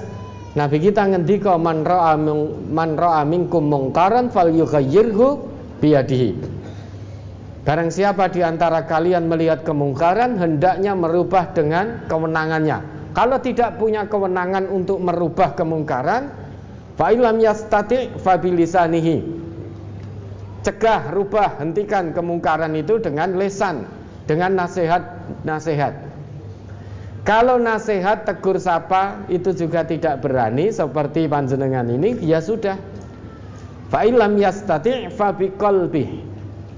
Maka mencegah dengan hati. Maksudnya benci dengan perbuatan itu Bukan benci pada orangnya Kasihan orangnya.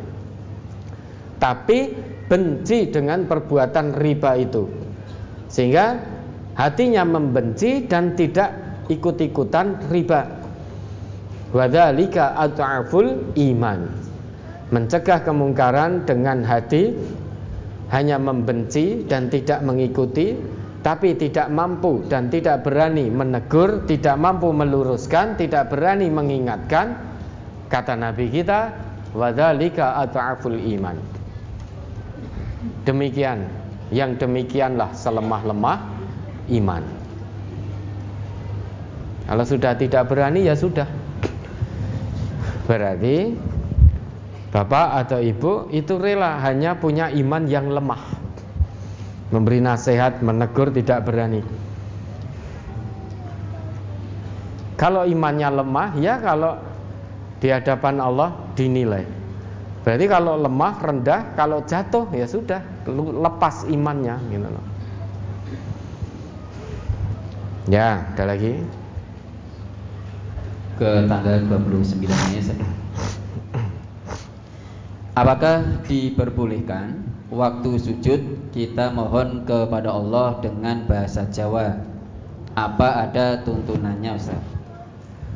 Kalau ditanyakan tuntunan Nabi berdoa dengan bahasa Jawa ya enggak ada. Beliau itu orang Arab. Tentu tidak berdoa dengan bahasa Arab. Bahasa apa? Bahasa Jawa memang ada sabda dari Nabi akrabu ma yakunul abdu mir bahwa sajidun fa'aksiru doa sedekat-dekat hamba dengan Robnya itu ketika berada dalam posisi keadaan sujud dalam sholat itu. Fa'aksiru doa maka perbanyaklah doa Nah kita orang Jawa Doa itu ada aturannya. Kita mohon harus paham dengan apa yang kita mohonkan. Kalau tidak paham dengan apa yang kita mohonkan Lah untuk apa memohon? Wong kita tidak paham dengan apa yang kita mohonkan. Maka berdoa itu harus dengan sesuatu yang kita sendiri paham maksud dari permohonan itu. Maka Bapak Ibu kalau sujud memperbanyak doa boleh dengan bahasa Indonesia, boleh dengan bahasa Jawa. Kalau Nabi dulu beliau pernah berdoa senantiasa dalam sujud beliau dengan bahasa Arab karena beliau orang Arab. Salah satu contohnya Nabi itu dulu pernah berdoa dalam sujud beliau. Doanya kurang lebih seperti ini. Allahumma gfirli dan bi kullahu. Ya Allah, ampunilah aku dosa-dosaku semuanya. Dikkahu wajillahu. Baik dosa yang kecil maupun yang besar. Wa awwalahu wa akhirahu. Baik dosa yang terdahulu maupun yang akan datang. Wa ala niyatahu wa sirrahu. Baik dosa yang tampak maupun yang tidak tampak. Apakah Nabi berdosa? Tidak, beliau itu maksum. Nah, lantas kenapa Nabi dalam sujud beliau berdoa seperti itu? Memberikan pelajaran kepada umatnya. Nabi itu maksum, beliau tidak punya dosa. Beliau berdoa seperti itu sedang memberikan pendidikan pengajaran untuk umatnya. Maka ketika sujud mohon pada Allah. Allahumma gfirli dhanbi kullahu. Jillahu dikkahu wa jillahu wa awwalahu wa akhirahu wa alaniyatahu wa sirrahu. Ya Allah ampunilah dosa-dosa hamba. Semuanya. Baik dosa yang kecil maupun yang besar Baik dosa yang terdahulu maupun yang akan datang Baik dosa yang tampak maupun yang tidak tampak kalau tidak apal, maka boleh dengan bahasa Indonesia. Kalau tidak bisa dengan bahasa Indonesia, boleh dengan bahasa Jawa. Kira-kira dengan bahasa Jawa seperti apa? Ya Allah, ampunilah itu gimana? Nyuwun pangapunten. Oh, itu standar. Nyuwun pangapunten itu bahasa Jawa standar. Ada yang lebih halus apa? Ampunilah itu apa? Sudah hilang ternyata kosakata Jawa kita. Ya Allah, saya tidak tahu itu.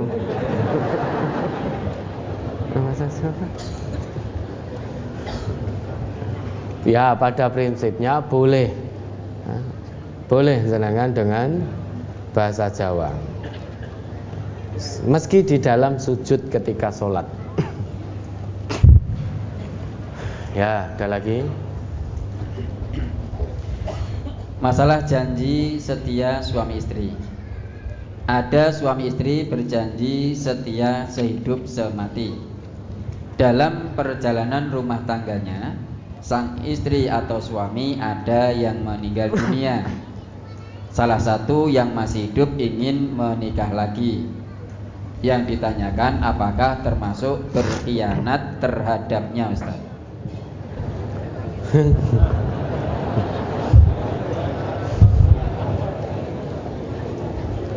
Ya melu mati no.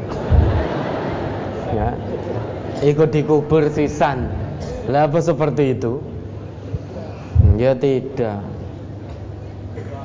kalau ada yang meninggal pasangannya misalkan istrinya Ya suaminya nikah lagi ya boleh. Kalau suaminya meninggal, ya istrinya nanti setelah 4 bulan 10 hari nikah lagi ya boleh, tidak mengkhianati janji. Maka jangan percaya dengan cinta sampai mati, sehidup semati. Wis Dik, ora enek wong wedok liya kejaba awakmu. sehidup semati engkau naik pe mati sik dek aku rabi meneh istrinya nyaut lah katanya sehidup semati lah nek saya meninggal dulu jenengan ya melu dikubur emah kan itu iya. ya boleh itu boleh ya tidak mengkhianati janji Bukan berarti janji sehidup semati terus ikut mati. Waduh, istri saya sudah meninggal padahal saya punya janji sehidup semati. Terus bunuh diri untuk menepati janji. Nah, itu berarti sesat, salah. Boleh. Nah, bapak-bapak, ini kepengen yang meninggal jenengan dulu atau istrinya dulu? Ibu-ibu, jenengan ngersake para suami dulu atau jenengan dulu? pun boten sah disik-disikan. Ya. pun pas waktunya sudah pas. Waktunya sudah pas. Tidak usah saling mendahului. Tidak usah disik-disikan. Persiapkan saja bekal untuk menghadapi hari kematian. Eh ada lagi? Ketika sholat taraweh berjamaah tetapi ketika sholat witir meninggalkan jamaah Kemudian sholat witir sendiri di rumah. Hukumnya bagaimana Ustaz? Boleh. Begitu juga boleh. Sholat witir sendiri di rumah juga boleh. Ada lagi? Mohon dijelaskan bahwa orang muslim tidak berhak mewarisi harta orang kafir. Itu dari Quran surat apa dan ayat berapa atas penjelasannya disampaikan terima kasih. Itu hadis Nabi. Riwayat Al-Imam Al-Bukhari juz 8 halaman 11. Hadis dari Usamah bin Zaid. An Usamah ibni Zaid an Nabihi radhiyallahu apa itu? An Usamah bin Zaid radhiyallahu anhuma.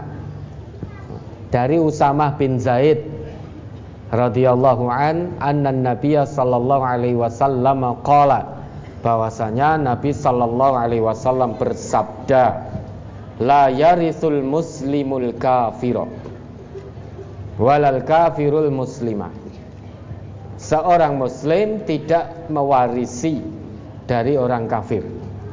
Dan orang yang kafir juga tidak mewarisi dari seorang muslim sehingga muslim dan kafir tidak saling mewarisi. Itu hadis Nabi. Ya, ada lagi? Ustaz, saya mau bertanya tentang kewajiban istri. Apabila diajak hubungan ada saja alasannya. Kalau diajak malam hari takut mandi dingin. Kalau diajak siang capek. Kadang kalau mau melayani ngomel-ngomel. Jaluk wae ya nyadonge arang kading. Apa itu? Apa? Nyadonge jaluk wae nyadonge arang kading. Apa itu nyadonge arang kadingnya apa? Oh, blonjone arang-arang kok jaluk wae gitu. Lah bapak-bapak kok tertawa itu jenengan loh. Mempengin jaluk wayah menafkahi saja males lari. Ya terus apa hukumnya istri menolak diajak hubungan suami apakah sholatnya tidak diterima apa benar tindakan istri menolak begituan karena sebagai suami kurang bisa menafkahi istri? Astagfirullah. Ini istri lo ya. Masa maunya berhubungan, mau melayani suami nafkah batin harus dibayar dulu. Ini istri yang sah loh ya. Bukan wanita-wanita nakal itu ya. Mau melayani kalau dibayar. Kalau memang betul keadaannya seperti itu, ya, berarti istri itu ya, dilaknat oleh malaikat sampai pagi atau dilaknat oleh seluruh penduduk langit sampai suaminya ridho. Dalam riwayat Muslim juz 2 halaman 1060 hadis nomor 121 dari Abu Hurairah Nabi kita bersabda walladhi nafsi biyadihi. Demi Allah yang jiwaku ada di tangannya. Ma min rajulin tidaklah seorang suami yad'u imra'atahu ila firashiha. Mengajak istrinya ke tempat tidurnya. Fata'ba anhu. Tiba-tiba istrinya tidak mau. Menolak enggan. Illa kana alladhi fis sama'i sakhitan 'alaiha hatta yarda anha. Melainkan semua yang di langit itu melaknat istri tersebut sampai suaminya ridho. Nomor 122-nya masih hadis dari Abu Hurairah. Rasulullah sallallahu alaihi wasallam bersabda, Idza da'ar rajulu imra'atahu ila firashihi. Jika seorang suami memanggil atau mengajak istrinya ke tempat tidurnya, falam taktihi, kemudian istrinya tidak mau, fabata ghadbana 'alaiha, kemudian suaminya bermalam dalam keadaan marah terhadap istrinya, la'anat hal malaika hatta tusbiha. Maka istri tersebut dilaknat oleh malaikat sampai pagi ketika belum pagi ternyata datang malaikat maut. Berarti istri tersebut meninggal dalam keadaan dilaknati oleh malaikat. Makanya para istri kalau tidak ada udur yang dibenarkan oleh syariat, semisal sakit dan lain sebagainya, layani suami ibadah batiniah ini dengan penuh rasa syukur, dengan penuh rasa bahagia. Jangan terpaksa. Ini terkait dengan pertanyaan. Terkait dengan suaminya, nah nanti dikira saya bela para suami, karena saya juga suami. Untuk suaminya mencari nafkah, memberi nafkah itu kewajiban jenengan, kewajiban kita. Maka jangan hanya sergap memberi nafkah batin saja. Harus imbang juga sergap memberi nafkah lahir kewajiban suami itu memberi nafkah lahir dan batin bukan hanya memberi nafkah batin kalau kewajibannya hanya memberi nafkah batin kesenangan jenengan. Ya. mong pengen penak itu dalam Islam itu ar-rijal qawwamuna 'ala nisa. Bima faddalallah ba'duhum ala ba'din wa bima anfaqu min amwalihim. Wa bima anfaqu min amwalihim itu ayatnya sering kali ya. sering kali kita baca Quran surat An-Nisa ayat berapa? 34 Laki-laki itu pemimpin bagi para istri. Kawamun itu berarti kiwamatur rojul alal mar'ah Kepemimpinan seorang laki-laki, seorang suami terhadap istri dan keluarga. Ma makna kiwamatur rojul alal mar'ah.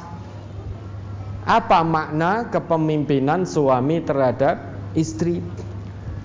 Al-qiyam bisyu'uniha al-qiyam bi umuriha. Yaitu memperhatikan urusan-urusan istri, kebutuhan-kebutuhan istri. Bukan berarti kebutuhan-kebutuhan di luar kemampuan. Artinya kebutuhan-kebutuhan primer istri diperhatikan, yaitu nafkah, Wa bima anfaqu min amwalihim kan begitu kata Allah. Kemudian di Quran surat Al-Baqarah Ayat 233 wa 'alal mauludi lahu rizquhunna wa kiswatuhunna bil ma'ruf. Wajib bagi para suami itu memberi nafkah lahir batin kepada istrinya dengan cara yang ma'ruf, cara yang baik maka para suami jangan hanya sregep minta nafkah batin saja namun juga harus sregep tunaikan kewajiban yaitu nafkah lahir menurut kemampuan yang Allah berikan. Dulu Nabi kita pernah ditanya Ada seseorang yang pernah bertanya pada Nabi Ya Rasulullah Ma hakku zaujati ahadina alaihi? Apa hak seorang istri atas suaminya? Nabi kita bersabda Antut ta'imaha idha ta'imta. Kamu beri makan istrimu jika kamu makan. Artinya Suami bisa makan Kok istri tidak diberi nafkah makan tapi suaminya bisa makan karena medit bakhil. Suaminya bisa makan, perutnya kenyang Istrinya tidak diberi nafkah kon dewi. Watak suaha idak tasaita. Jika suaminya punya nafkah membeli pakaian untuk dirinya sendiri Maka wajib bagi suami untuk membelikan pakaian istri Wala tuqabbih. Jangan hina-hina istri. Apalagi dihina di hadapan orang lain. Jangan menghina istri. Itu haknya istri. Hak istri itu tidak untuk dihina-hina. Tapi untuk dicintai, dibimbing, dipimpin, digandeng tangannya Dididik dengan pendidikan yang baik diayomi, dikasih sayangi, dijaga, bukan dihina. Kadang mangkel dengan istrinya, ya toh, bahasanya keluar bahasa kasar. Non sewu. Oh, bojo utek bosok. Ada loh yang begitu. Ah, utakmu kuwi gitu. Wes lemu ra nyegeri.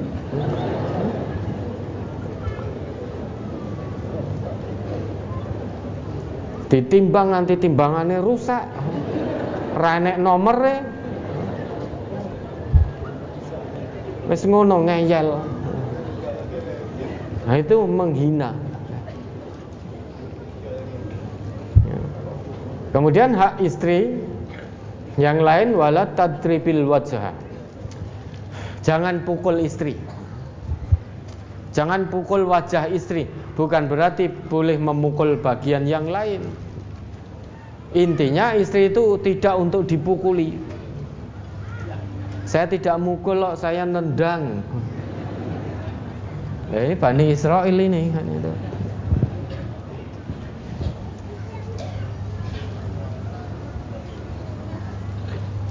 Wala tahjur illa fil bait. Jangan tinggalkan istri kecuali di rumah. Misal panjenengan bepergian dengan istri. Di tengah jalan cekcok tidak akur muncul problem cekcok Suami marah. Akhirnya istrinya suruh turun dari kendaraan atau keluar dari mobil, ditinggal ning dalan. Tinggal ning pasar. Wes medhu kene. Nek ngeyel terus meduna kene. Sudah ditinggal di pasar atau di jalan. Disikil toh mulia dewe. Ini suami yang tidak beres akalnya. Kalau sedang marahan cekcok, bawa pulang dulu. Sampai istri masuk rumah, kalau panjenengan para suami ingin menenangkan diri, meninggalkan istri, tidak apa-apa, sejenak tinggalkan istri, tapi posisi istri sudah di rumah. Jangan ditinggalkan duduk kening tengah jalan. Kalau itu dilakukan berarti para suami tidak menunaikan kewajibannya dengan baik. Kewajiban suami itu haknya istri, kewajiban istri haknya suami. Masing-masing tunaikan kewajibannya. Jangan hanya pandai menuntut haknya. Maka para suami baca dan pahami kewajiban sebagai suami, jangan membaca kewajiban istri. Para istri Baca dan pahami kewajiban istri, jangan membaca kewajiban suami. Kalau itu dilakukan berarti terbolak-balik. Karena suami membaca dan memahami kewajiban istri, sehingga suami hanya pinter nuntut haknya saja. Tidak paham kewajibannya sebagai suami karena tidak baca, tidak paham. Karena yang dibaca istri adalah kewajiban suami, istri pun tidak tahu kewajibannya sebagai istri sehingga hanya pandai menuntut hak. Tidak pandai menunaikan kewajiban.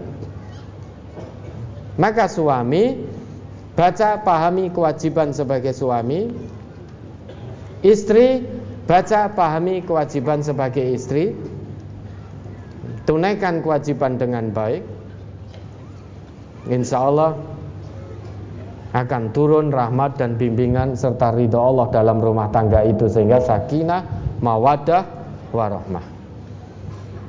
Ya baik, ada lagi? Mohon maaf sebelumnya, saya ingin menyampaikan amanah atau pesan dari para pendengar dan simpatisan MTA bahwa saat Pak Ustadz mengisi kajian atau menyampaikan ayat atau potongan ayat juga mohon dijelaskan juga itu surat apa, ayat berapa. Karena Pak Ustadz sering membaca ayat ataupun potongan ayat yang kami masih awam, belum tahu itu surat apa dan ayat berapa.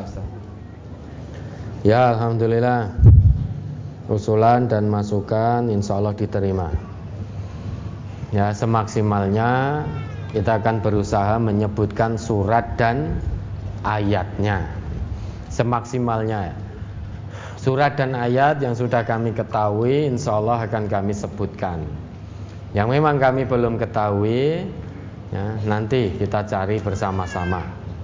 Ya, terima kasih matur suwun. Masukan, saran dan usulannya. Baik, ada lagi? Pertama, dalam surat Al-Ankabut ayat 57 disebutkan bahwa makhluk pasti mati termasuk malaikat. Pertanyaan, kalau malaikat mati, siapa yang menjaga surga dan neraka? Yang kedua, setelah hari kiamat semua manusia diadili. Pertanyaannya, apakah Allah mengadili manusia sendirian atau bersama malaikat Ustaz? Saya tidak tahu. Yang jelas kita mengimani itu urusan Allah, kewenangan Allah. Ketika nanti datang hari kiamat, siapa yang menjaga neraka dan surga kalau malaikat mati? Itu urusan Allah. Kita tidak usah memikirkan itu. Yang harus kita lakukan Itu menyiapkan bekal kematian kita. Dengan apa? Iman dan amal soleh. Dan di dalam Quran surat Al-Fajr Allah sebutkan Kalla idha dukkatil ardu Dakan daka Wajah rabbuka wal malaku soffan soffa jadi pada hari kiamat nanti Ketika bumi sudah dihancurkan sedemikian rupa oleh Allah Sudah itu ketetapan Allah, keagungan Allah Kekuasaan Allah akan disaksikan oleh seluruh manusia dan malaikat akan berbaris rapat sesuai dengan tugasnya masing-masing. Sofwan, sofwa. Jadi banyak dan sesuai dengan tugasnya masing-masing. Lah apakah yang dihidupkan malaikat dulu atau manusia dulu yang dibangkitkan? Wallahu a'lam. Sudah kita mengimani itu tanpa meragukan sedikit pun. Kewajiban kita, hal yang perlu kita lakukan adalah menyiapkan bekal kematian, menyiapkan hari perjumpaan kita, hari pertanggungjawaban kita di hadapan Allah dengan bekal iman dan amal soleh. Sehingga jangan berpuas hanya ngaku iman, namun buktikan pengakuan iman dengan amal soleh. Ya, ada lagi. Cukup besar ke pertanyaan langsung kalau Pak Jana berkenan. Ya, baik, mari tanya langsung. Baik Bapak Ibu dan saudara sekalian yang menghendaki untuk bertanya langsung kepada beliau silahkan menyebutkan e, nomor mic. Menyebutkan nomor mic terlebih dahulu. Kalau menyebutkan daerah juga dua tujuh. dua tujuh dua tujuh dua tujuh tiga tiga. Dua tujuh tiga tiga ya sudah. Yang lain? dua tujuh tiga tiga. Masih delapan. Tiga delapan. dua enam ya baik 27, 33, 38 dan 26. Sementara 4 dulu. Baik, kita mulai dari penanya dengan nomor mic 27 dipersilahkan. Bismillahirrahmanirrahim. Assalamualaikum warahmatullahi wabarakatuh. Waalaikumsalam warahmatullahi wabarakatuh. Perkenalkan, uh, nama saya Indra Ustadz dari cabang Polokarto 1. Nggih, mangga ada satu pertanyaan yang mau saya sampaikan kepada Ustadz eh, yang berkaitan dengan muamalah. Muamalah perdagangan maksudnya. Ya.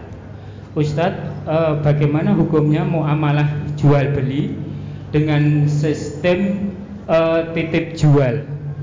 Jadi eh, misalkan saya titip dulu kepada eh, seseorang untuk dijualkan barang saya Kemudian yang dititipi itu hanya nanti e, membayar yang laku saja, sedangkan yang tidak laku itu tidak dibayar.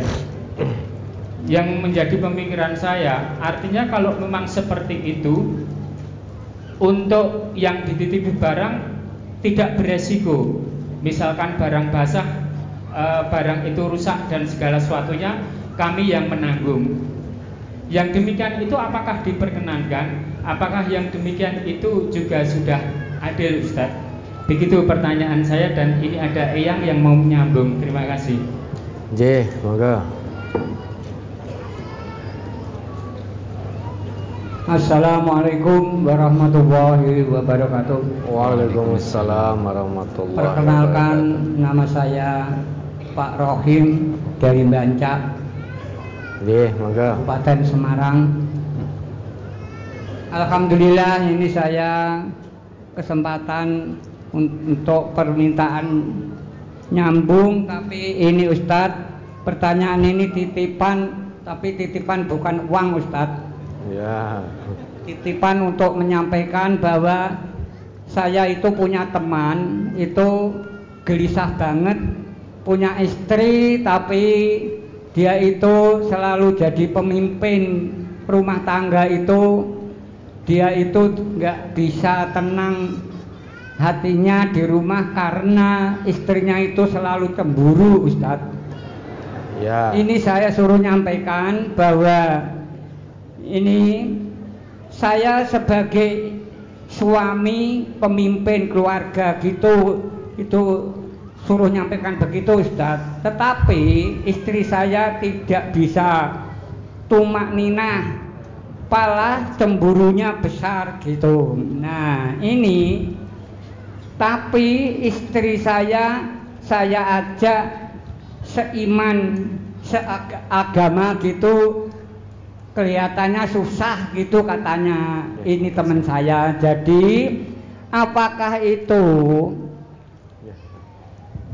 istri begitu itu apakah kalau minta dijelaskan dari surat At-Tahrim ayat 45 itu apa bisa bersangkutan dari istri yang cemburu sekonyong-konyong gitu Ustadz? Ini terima kasih. Jadi kupat janure klopo menawi kula lepat nyuwun pangapura. Assalamualaikum warahmatullahi wabarakatuh Waalaikumsalam warahmatullahi wabarakatuh ya. Quran surat At-Tahrim. Ya coba ini dulu dari beliau dari Bapak ini coba dibaca. Quran surat At-Tahrim ayat 4, 4 dan 5. Atau ayat 45, ayat 4, 4 dan 5. 5. Ya. Surat At-Tahrim surat ke-66 ayat 4 dan 5. In tatuba ilallahi faqad sabat qulubukuma wa in tazahara alaihi fa innallaha huwa maulahu wa jibrilu wa salihul mu'minin wal malaikatu ba'da zalika asa rabbuhu in khairam minkunna muslimatin mu'minatin qanitatin taibat mu'minatin qanitatin taibatin abidatin saihatis sayyibatin wa abkara. Jika kamu berdua bertaubat kepada Allah maka sesungguhnya hati kamu berdua telah condong untuk menerima kebaikan. Dan jika kamu berdua bantu membantu menyusahkan Nabi, maka sesungguhnya Allah adalah pelindungnya dan begitu pula Jibril dan orang-orang mukmin yang baik. Dan selain dari itu, malaikat-malaikat adalah penolongnya pula. Jika Nabi menceraikan kamu, boleh jadi Tuhannya akan memberi ganti kepadanya dengan istri-istri yang lebih baik daripada kamu, yang patuh, yang beriman, yang taat, yang bertaubat, yang mengerjakan ibadat, yang berpuasa, yang janda dan yang perawan. Kaitannya apa dengan pertanyaannya? Kalau temannya tadi punya istri yang cemburu, ya, cemburu itu boleh tidak toh? Boleh wajar itu. Tetapi yang tidak wajar, yang tidak boleh, ya, cemburu yang berlebihan. Ya susah juga kalau suami punya istri pencemburu dan berlebihan dalam cemburunya. Sehingga apa pun yang dilakukan oleh suami salah. Jane suami yang tidak punya maksud apa-apa, lewat gitu saja. Delalah melewati tetangganya yang seorang perempuan. Monggo Bu itu istrinya cemburu. Mau karo tonggone manis ngene ngene ngene ngene ngene. Wah dia susah. Suami bekerja kebetulan jual beli sesuatu pembelinya perempuan. Suami jual beli di pasar. Jenengan angsal dodolan ning sing tuku kudu lanang. Kalau yang beli perempuan panas hati istrinya Sungguh teganya mas Engkau duakan aku. Malah ditigakan nanti. Ya, Cemburu itu boleh Tapi batasan ada batasan-batasannya. Ya. Jangan cemburu buta. Para istri itu boleh cemburu Harus dengan alasan yang jelas. Alasan yang dibenarkan oleh syariat Jangan dengan alasan mengada-ngada Jangan dengan alasan menduga-duga. Jangan hanya sebatas kila wa kola. Percayalah pada suami. Kalau sudah berumah tangga, saling percaya, saling menjaga kepercayaan itu. Nanti kalau istrinya sangat pencemburu, ngalor salah, ngidul salah, ngulon salah, ngetan salah, kasihan suaminya. Sehingga tidak bisa beraktivitas, tidak bisa bermuamalah, tidak bisa bergerak. Nah ini istri yang cemburunya membabi buta Melampaui batas Saran saya bawa ke psikiater Istri yang mencemburu tanpa dasar Membabi buta cemburunya Dibawa saja ke psikiater. Ada apa kok seperti itu? Suami mau keluar rumah dicemburuni. Suruh di rumah terus. Kalau di rumah terus dimarahi, nggak kerja, nggak ini, kan serba salah toh. Memang suami itu kalau punya istri seperti itu susah. Punya istri pencemburu itu. Dah, ndak usah pergi-pergi, ampun tindak-tindak tenggriyo mawon. Akhirnya ya wes ning omah terus. Lah ini anak kita lapar, perut saya lapar. Lah kok jenengan ten griya mawon mboten nyambut damel pripun? Kok tidak bekerja? Lo tadi katanya suruh di rumah. Iya, tapi ini lapar. Lah terus bingung toh? Memang terkadang juga begitu. Mas, saya jilbab coklat atau pink? Coklat. Dijawab suaminya coklat. Sepertinya bagus pink, ya sudah pink. Lha pripun to jenengan kok pelin-pelan ndak punya pendirian? Rating kiri belok kanan. Rating kanan belok kiri. Enggak rating nengah-nengah. Itu yang di sana, bukan di sini. Insya Allah yang di sini rating kanan juga belok kanan, neng lali nggak dimatikan lagi.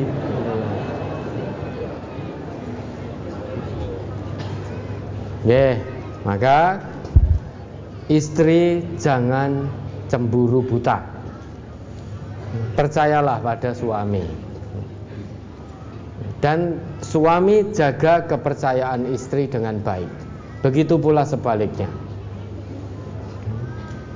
Istri mendapat kepercayaan dari suami. Saat suami tidak di rumah, istri menjaga dengan baik rumah tangga suaminya. Jangan berkhianat. Dengan demikian, insya Allah Allah akan turunkan ridhonya. Udah, kalau sudah berumah tangga, asas saling percaya harus ada. Munculkan rasa cinta. Kalau muncul rasa cinta akan muncul rasa tanggung jawab. Sense of belonging sense of responsibility. Wah, oh, keren ya, meski salah. meski salah pronunciation-nya. Jadi muncul rasa cinta, muncul rasa tanggung jawab. Kalau tidak ada rasa cinta, sulit muncul tanggung jawab. Yang ada nanti berkhianat. Oke, banyak sah cemburu itu boleh, tapi pada tempatnya. Jangan sedikit-sedikit suami harus mengakui sesuatu yang tidak pernah dilakukan. Gitu jenengan hubungan dengan fulanah atau padahal tidak. Tapi dipaksa. Istrinya kepingin suaminya menjawab iya.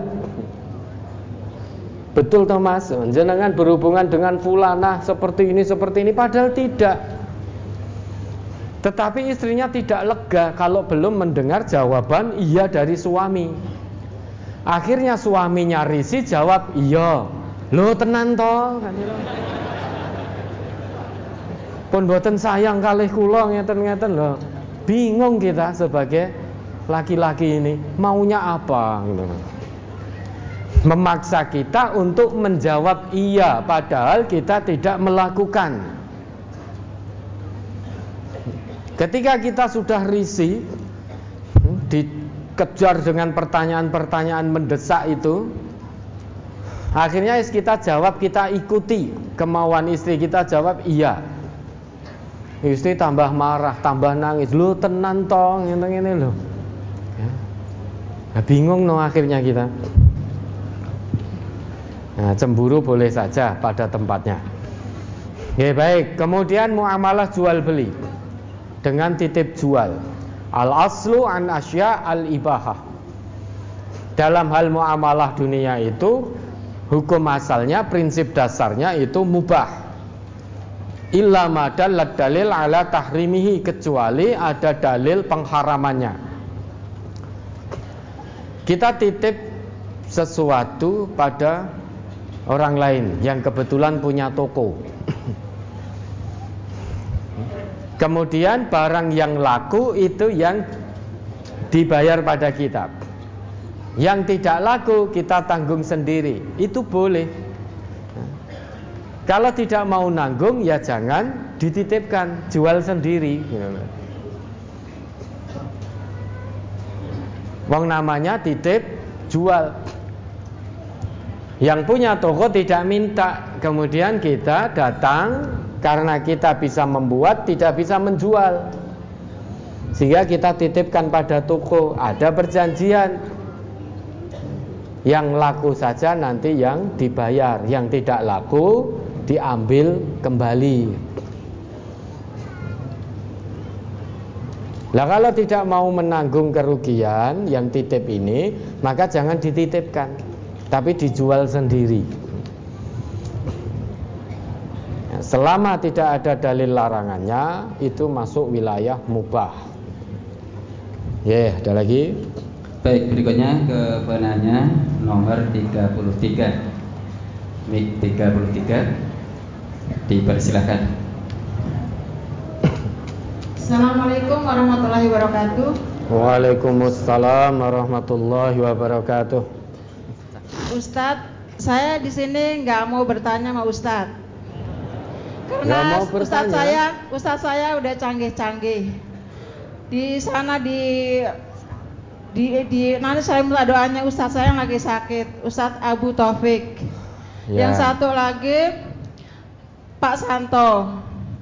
Yang satu lagi saudara saya Hoiriah dari Donorjo itu Ustaz pada saat sakit Ustaz sakitnya parah udah di kemo teman saya itu Ustaz teman ngaji yang satu lagi Ustaz saya minta doanya aja Ustaz anak saya di sini udah masuk ngaji sekarang baru baru sekali ini ya. anak saya namanya Ahmad Ivan Jordan dia ada di lantai dua Ustaz Ya, Pertanyaan saya Ustadz, saya hanya minta doa karena saya ngaji di minta doa anak-anak saya. Nah, tadi katanya ngendikannya tidak bertanya. Pertanyaannya minta doa Ustadz buat oh, anak saya sama ya. buat Ustadz saya, Ustadz Abu Taufik, Ustadz lagi sakit kemarin walaupun dia sakit dia sering isi di Magelang Ustadz. Ya, alhamdulillah. Di, uh, alhamdulillah di tempat. Kok saya nggak bisa ngomong ya Ustadz, sedih rasanya. Udah begitu aja Ustaz. Assalamualaikum warahmatullahi wabarakatuh. Waalaikumsalam warahmatullahi wabarakatuh. Mari kita doakan. Allahumma syufi. Titik sakit fisik tidak apa-apa. Terima dengan ikhlas, tetap husnudon pada Allah. Jangan menjadikan kita futur untuk berbuat baik hanya gara-gara fisik kita sakit. Lah beliau ustadz yang ngajar di sana itu paham betul tentang agama ini. Maka dalam keadaan sakit pun selama masih Allah beri kemampuan untuk datang mengajar di majelis ilmu, maka beliau tetap rawuh. Nah, insya Allah ikhlas menerima sakit, sehingga digugurkan dosa-dosanya oleh Allah terus mengerjakan kebaikan mendapatkan pahala dari Allah berbahagia sekali dosanya hapus tambah terus pahalanya dari Allah. Dan anaknya yang saat ini hatinya dibukakan oleh Allah bisa datang mengaji ke sini. Mudah-mudahan istiqomah dalam mengaji dan mengamalkan hasil kaji, bukan hanya karena takut dengan ibunya. Ya. Ngaji ini kebutuhan kita kepada Allah sebagai wujud bentuk tanggung jawab kita terhadap amanah hidup dan kehidupan yang Allah berikan. Dengan ngaji kita tahu jalan pulang menuju Allah, jalan yang baik dan benar. Karena semua manusia pasti akan pulang kepada Allah. Manusia ini berasal dari Allah dan akan kembali hanya kepada Allah. Kita tidak akan tahu jalan pulang yang baik dan benar jika tidak ngaji. Karena Quran itu Allah turunkan, kemudian dijelaskan oleh Rasulullah tujuannya memang untuk dikaji. Maka menjadi aneh orang yang ngaku Islam hidup di dunia hanya sekali saja, dia sudah ngaku Islam tapi tidak mau ngaji. Lah Islamnya untuk apa? Padahal orang Islam itu punya kewajiban ngaji. Awalnya kita sikapi sebagai kewajiban. Namun berusaha untuk meningkatkan menjadi kebutuhan. Ngaji ini kebutuhan kita kepada Allah bukan hanya sebatas kewajiban tetapi harus kita tingkatkan menjadi kebutuhan. Kalau sudah menjadi kebutuhan, niscaya kita ngaji dan mengamalkan hasil kaji ini, kita jalani dengan rasa nikmat. Tapi kalau kewajiban, terkadang kita jalani dengan berat, dengan rasa malas, dengan berat. Kalau sudah kebutuhan, rindu kita sudah. Ya, mudah-mudahan dibimbing oleh Allah, diridhoi oleh Allah sehingga istiqomah dalam ngaji dan mengamalkan hasil kaji. Ya, ada lagi? Berikutnya mic nomor 38. Dipersilakan. Bismillahirrahmanirrahim. Assalamualaikum warahmatullahi wabarakatuh. Waalaikumsalam warahmatullahi wabarakatuh. Perkenalkan nama saya Ziko Ferdian dari cabang Bendona 1. Ya. Pertanyaan saya Ustaz. Di kampung saya itu ada sering ada anak nongkrong itu Ustaz. J. Uh, saya bagaimana Ustaz? Menghadapinya dengan emosi atau sabar Ustaz? Ya. Yang kedua itu di musola saya itu ada sering anak-anak main lato-lato Ustaz saat khutbah itu anak-anak itu pada diem Ustaz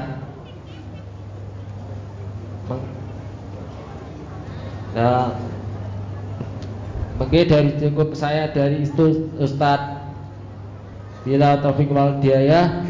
Wassalamualaikum warahmatullahi wabarakatuh. Waalaikumsalam warahmatullahi wabarakatuh. Anak-anak main lato-lato. Terus ketika khutbah Jumat pada diem. Ya bagus no. Ya, berarti anak-anaknya paham. Ketika sedang mendengarkan khutbah Jumat, ketika sedang sholat, diam. Nah nanti sesudah itu main lagi. Nah itu anak-anak yang tidak apa-apa selama ya tidak menghabiskan waktu. Ya main lato-lato biarkan tidak apa-apa. Jangankan anak-anak sing tua ya penasaran mencoba itu. Dan raiso iso.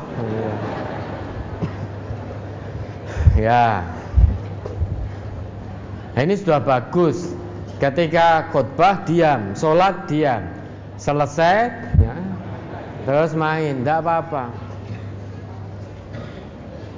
Kalau mainnya di dalam masjid lah diingatkan dengan baik. Diingatkan dengan baik. ya, diajak keluar, dikasih sayangi, jangan digetak-getak sudah, jangan. Saya pribadi ya, paling tidak setuju ini pribadi. Paling tidak setuju jika ada anak-anak di masjid digetak-getak, dimarah-marahi, dipentelengi, dijewer dan lain sebagainya.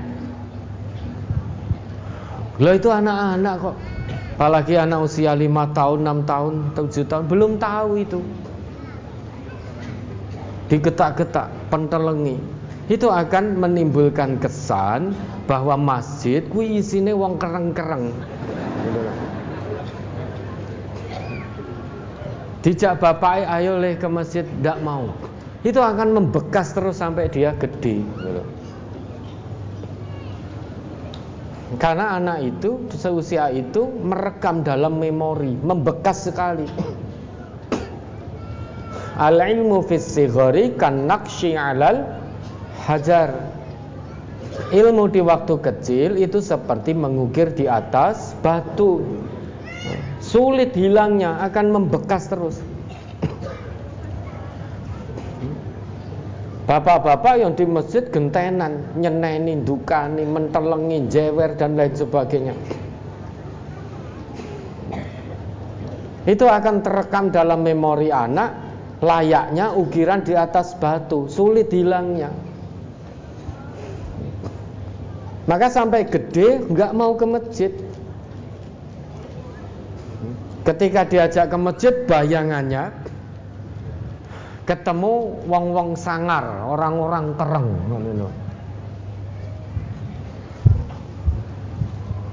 Maka cintailah anak-anak. Nabi kita itu sangat mencintai anak-anak.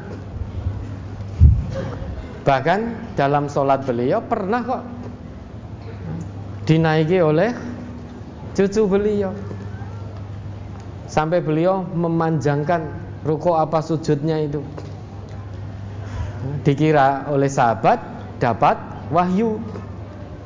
Ternyata tidak memberi kesempatan karena kalau beliau bangkit khawatir cucunya jatuh. Lah katanya suri toladan kita Nabi. Ada anak lima tahun di masjid. Rodok rame sidik. Wana sapa iki? Rame wae.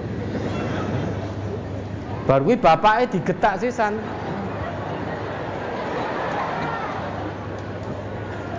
Baru ini bapaknya digetak sisan. Pak, kalau ngajak anak ke masjid, nek tidak bisa diam, jangan diajak ke masjid.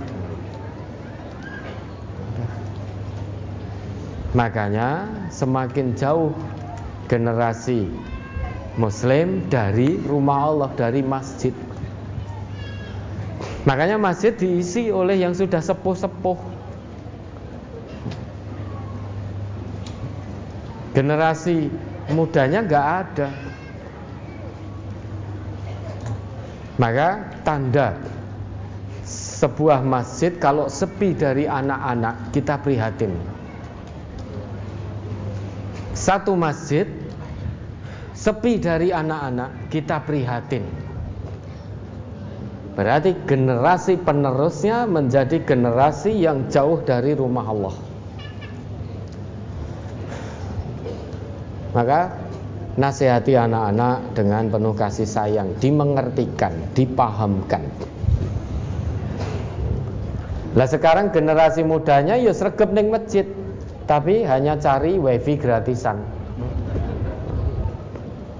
Ketika datang waktu sholat pergi karena pekewuh jamaah pada datang. Sedang dia masih mabar masih main game online itu main bareng.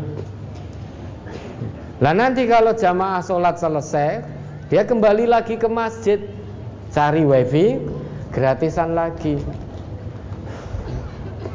Dan maka kasih sayang pada anak-anak, sentuh fitrahnya, dididik dengan kesabaran, lemah lembut dan lain sebagainya. Insya Allah anak-anak kita itu juga punya fitrah keimanan dan ketakwaan.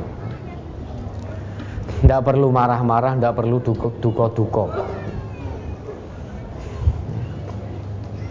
Kemudian anak-anak pada nongkrong Apa yang harus dilakukan? Ud'u ila sabili rabbika bil hikmah. Coba diingat kembali ayatnya. Maka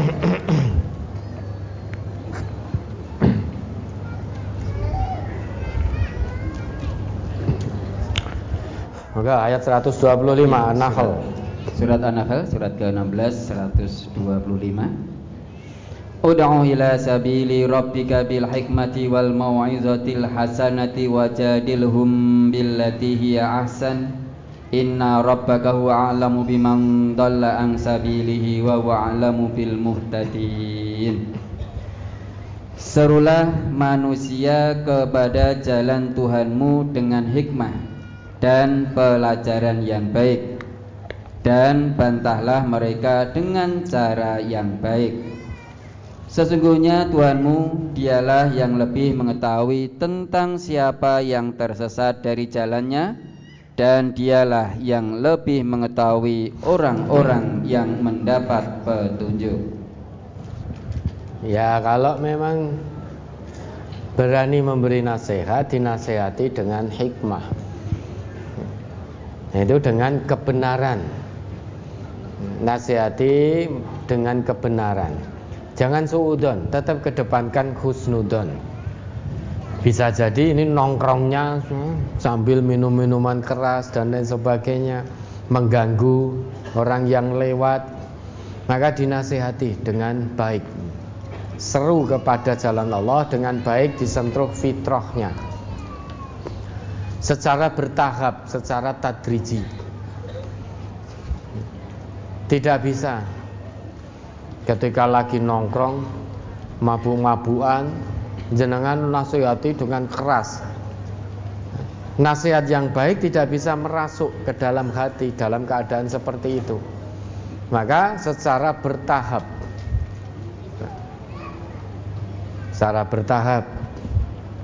Dengan bahasa yang santun bahasa yang penuh kesopanan. Insya Allah akan tersentuh fitrahnya. Selain itu didoakan. Didoakan. Mudah-mudahan dibukakan pintu hatinya sehingga tidak nongkrong-nongkrong lagi yang tidak bermanfaat. Toh yang nongkrong-nongkrong seperti itu itu kalau dicek KTP-nya kan juga Islam. Min husni islamil mar'i tarkuhu mala yakni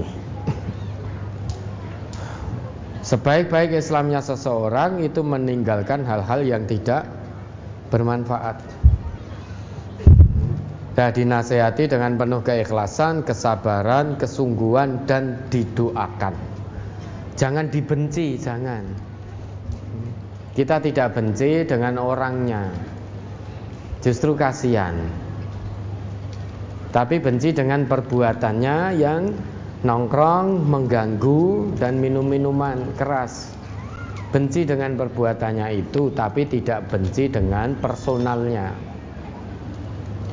Digandeng tangannya secara perlahan. Dakwah ini tidak ada yang instan. Sebagaimana dulu Nabi juga tidak instan meski beliau itu utusan Allah, kekasih Allah, tetap melalui sunatullah, melalui ketetapan Allah dalam berdakwah. Maka mendakwahi orang lain harus dengan keteladanan. Tutur kata yang santun, sikap yang ma'ruf, yang baik, nasihat-nasihat yang bijak, nasihat yang menghujam sampai fitrahnya, menggetarkan jiwa, itu perlu. Dan harus dengan keteladanan. Sambil terus istiqomah memohonkan kepada Allah dibukakan pintu hatinya. Ya kewajiban ditunaikan perkara diterima atau tidak itu urusan yang bersangkutan dengan Allah. Wa ma'ala rasulina illal balahul mubin. Kewajiban rasul kami hanya menyampaikan risalah kebenaran ini dengan gamblang. Perkara diterima oleh manusia atau tidak sudah bukan urusan kita, tapi urusan dia dengan Allah. Ada lagi? Baik, berikutnya penanya dengan nomor MIK 26 dipersilahkan. Assalamualaikum warahmatullahi wabarakatuh. Waalaikumsalam warahmatullahi wabarakatuh. Semoga Allah tetap memberikan kesehatan dan panjang umur kepada Ustadz. Amin. Allahumma amin. Amin. Mudah-mudahan pada kita semuanya. Amin. Kami dari Purwodadi Gerobokan nama saya Sriana. Yang kami tanyakan Ustadz. Sriana. Iya. Asli Asli bukan? Sriana. Bukan Itu Sriono. Ada lagi Pak yang kalau orang tua saya memberi nama Sriono. Ya. Kemudian ada paman memberi nama Sriana. Kemudian kakek memberi nama Sabdo Asmoro. Oh, berarti punya tiga nama. Iya, tiga nama. Oh, Kemudian iya. saya gabungkan Sriono Sabdo Asmoro. Sriono, Sabdo, Asmoro. Asmoro. Lah ini kok Sriana? Sriana itu dari eh, sekolahan Ustaz. Tulisannya dulu Sriana gitu. Oh, makaten. Sehingga saya sampai sekarang dipanggil Sriana. Ya. Iya.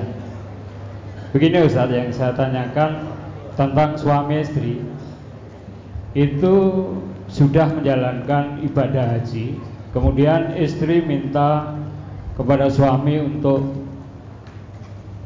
umroh. Lah saya menyarankan lebih baik itu disalurkan kepada infak atau yang lain atau pesantren. Itu lebih bagus daripada itu.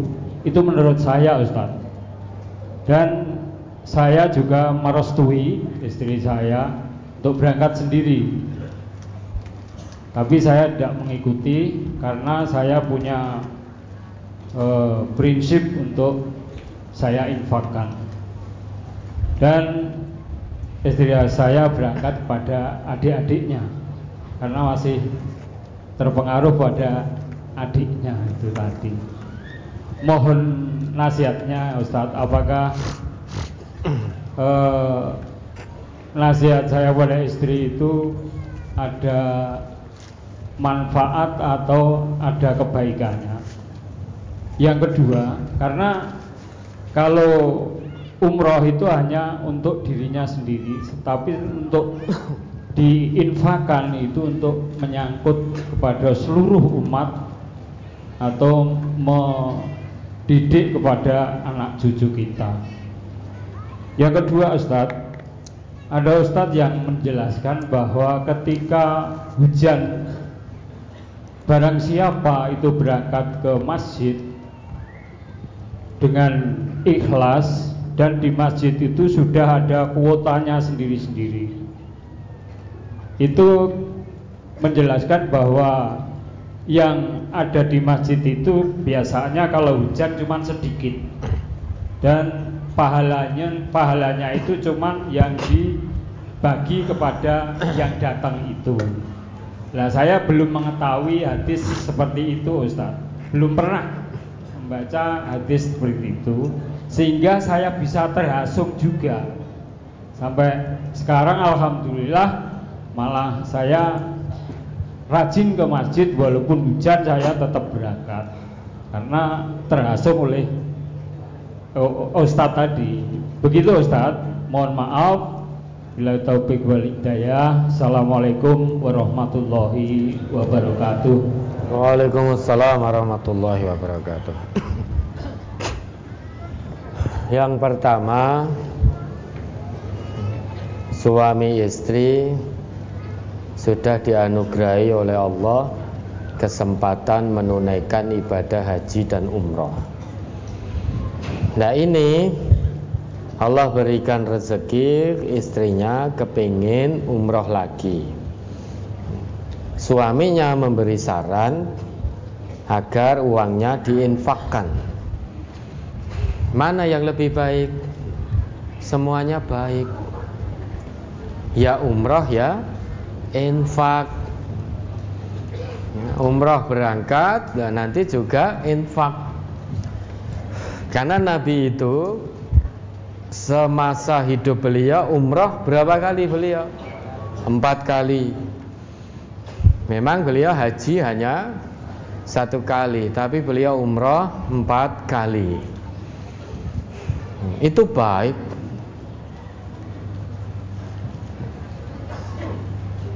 Ya, infak juga baik. Maka kalau bapak memilih untuk infak ya baik karena bapak juga sudah haji dan umroh. Kalau istri kepengen umroh, ya jangan dihalang-halangi. Ya, diizinkan dan diridhoi. Insya Allah beliau istri pun selain umroh juga akan infak dengan sebagian harta yang Allah karuniakan. Sehingga jangan dihadap-hadapkan umroh dengan infak baik mana, haji dengan infak baik mana. Itu semua syariat dari Allah. Itu perintah Allah, semuanya baik. Selama sesuai dengan tuntunan Rasulullah dan ikhlas dilakukan karena Allah. Nah, jangan dihadap-hadapkan Jangan dipertentangkan karena itu semuanya baik. Kalau istrinya mau umroh ya sudah izinkan untuk umroh, luruskan niat. Nah, umrohnya karena Allah. Insya Allah beliau juga sebagian hartanya juga akan diinfakkan, disedekahkan. Kalau bapak memilih infak, ya niatkan karena Allah mencukupkan hanya umrah sekali ya tidak apa-apa. Yeah. Kemudian yang kedua, ketika hujan berangkat ke masjid dengan ikhlas, jamaah hanya sedikit.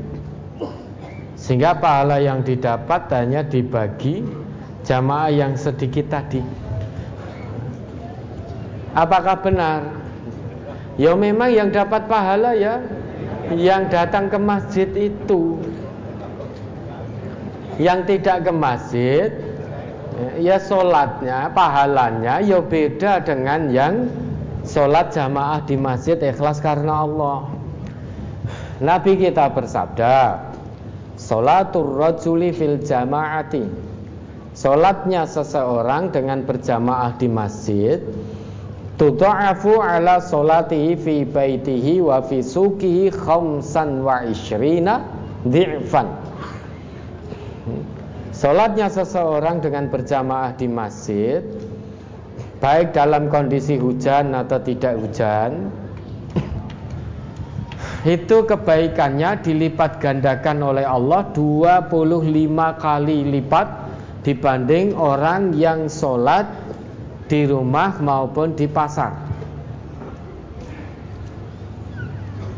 Wadalika annahu idza tawaddoa fayuhsinut tuhura. Yang demikian itu karena tidaklah dia berwudu dan memperbagus wudunya. Thumma kharaja ilal masjid kemudian keluar menuju masjid. La yukhrijuhu illa salat yang menyebabkan dia berangkat ke masjid itu alasannya hanya satu untuk mendatangi sholat jamaah. Lam yahtu khatwatan tidaklah dia melangkahkan satu kakinya illa rufi'at lahu biha darajah kecuali dengan satu langkah kakinya itu akan diangkat derajatnya di sisi Allah tinggi-tinggi. Wa anhu biha sayyi'ah dan langkah kakinya yang satu akan menjadi penyebab dihapusnya, diampuni dosanya. Faida sholla lam tazalil malaikah tusalli alaihi. Jika dia telah melaksanakan sholat berjamaah, malaikat masih senantiasa mendoakan dirinya madama fi musallahu. Selama dia masih di dalam tempat sholatnya itu dan selama belum batal. Apa doa malaikat? Allahumma salli alaihi Allahumma arhamhu. Ya Allah berkatilah fulan Ya Allah berilah rahmat pada fulan Wala yazalu Fi solatin mantadaras sholah dan dia akan senantiasa diberikan atau dinilai terus melakukan sholat selama menunggu waktu-waktu sholat berikutnya di tempat itu atau di masjid itu. Selama belum meninggalkan dan selama belum batal. Memang kebaikan itu hanya Allah limpahkan pada orang yang datang ke masjid itu. Dengan pelipat gandaan pahala pelipat gandaan kebaikan dibanding orang yang sholat di rumah. Perginya ke masjid saja sudah dilipat gandakan 25 kali lipat. Di setiap langkah kakinya diampuni dosanya dia diangkat derajatnya tinggi-tinggi lah nanti ketika sholat jamaah dimulai ditambah kelipatannya menjadi tambah 27 Salatul jamaati tafdulu salatal fadhi bisab'in wa ishrina darajah. Jadi berangkatnya ke masjid sudah dijanjikan mendapat kebaikan lipat ganda 25 Mendirikan sholatnya secara berjamaah mendapatkan 27 Beda dengan orang yang sholat di rumah Beda dengan orang yang sholat di tempat pekerjaan, di pasar dan lain sebagainya. Maka apa yang dilakukan oleh Bapak itu sudah betul. Kondisi hujan, toh sekarang hujan, jalan juga mudah. Ada payung, ada mantol, masjid kita dekat, sehingga tetap bisa datang ke masjid. Maka mendapatkan insya Allah mendapatkan kebaikan yang lipat ganda yang dijanjikan oleh Nabi. Adapun yang tidak datang ke masjid sudah jangan dijelek-jelekan, jangan diribah dan lain sebagainya. Ya. Oke, baik, ada lagi? Cukup. Cukup?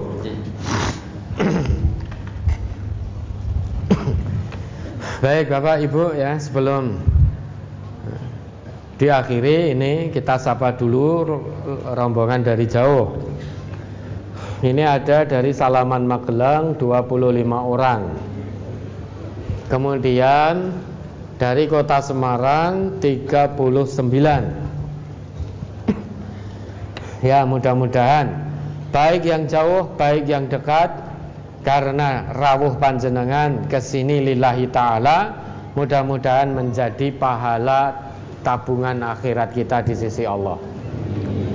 Dan tidak hanya paham saja, mudah-mudahan terus diamalkan apa yang sudah kita kaji sampai ajal menjemput. Mudah-mudahan Allah meridhoi. Amin. yeah, terus ada lagi permohonan doa kesembuhan bagi saudara-saudara kita yang sedang sakit. Bapak Mursid dari Pelayan, Bapak Maukar, Bapak Tauhid, Ananda Muhammad Hasan, Ibu Bambang semuanya dari Cepu Bapak Sumati, Bapak Sutino, Ibu Aisyah, Bapak Abdurrahman semuanya dari Cilacap Ibu Suminah dari Pelupo Ananda Rehan Surya Pratama dari Kerja Tiga Bapak Subaryono dan Ibu Rubiati dari Rongkop Rizky Prabowo Kemudian Bapak Sukarti dari Ngemplak Dan Bapak Haryanto Narasumber Mitra Tani MTA TV Semuanya sakit Mohon doa kesembuhannya Pertanyaannya dilanjutkan saja Ustaz lah rame no ini. Ya, ini belum selesai Bapak Ibu ya. Nah, ini permohonan doa loh. Nah, permohonan doa itu harus kita paham apa yang kita mohonkan pada Allah ya. Pun kresek-kresekin nanti dulu ya. ditunda dulu. Ditunda dulu ya. Kita tetap jaga ketenangan karena ini sudah menjadi nidom nilai di majelis kita. Oke, baik, mari kita doakan. Allahumma shfihi, Allahumma shfihi, Allahumma shfihi. Terus kemudian permohonan doa bagi saudara kita yang sudah meninggal. Yang pertama Bapak Siono Siswo Wiono atau Basis dari Wedi Klaten. Kemudian yang kedua Bapak Karsim dan Ibu Eli Irawati dari Cilacap. Ketiga Ananda Aymara Zaida Keswari SDIT Endang Molong. Kemudian yang keempat Ibu Sumini dari Bojonegoro dan yang kelima Ibu Sugiyatmi dari Wonogiri. Ada enam. Ini anak kita dari SDIT sebabnya apa Ustaz? Sakit. Ya, Baik, mari kita doakan. Allahumma ighfir lahum warhamhum wa'fu anhum wa'afihim wa akrim nuzulahum wa wasi' madkhalahum waghsilhum bima'in wa samtin wa baradin wa naqqihim minal khataya kama yunaqqa sa'bul abiyadu minat danas wabdilhum daran khairan min darihim wa ahlan khairan min ahlihim wa zatan khairan min zawjihim Wakihim fitnatul qabri wa nar. Ya, ada lagi? Berikutnya ngaturakan salam dari Buton dan Kota Bau-Bau kata Ustaz dan uh, hadirin jamaah pagi. Alaika wa alaikumussalam warahmatullahi wabarakatuh. Ya, salam saya untuk warga yang ada di situ. Berikutnya infak untuk konfes dan media dakwah. Baik, ada lagi Ustaz? Cukup Ustaz.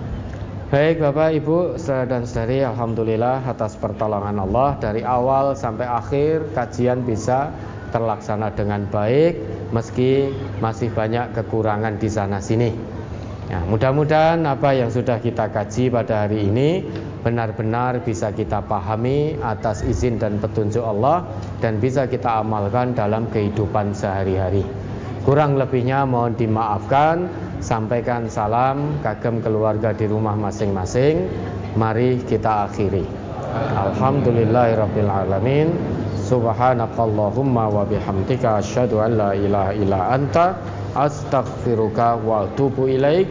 Wassalamualaikum warahmatullahi wabarakatuh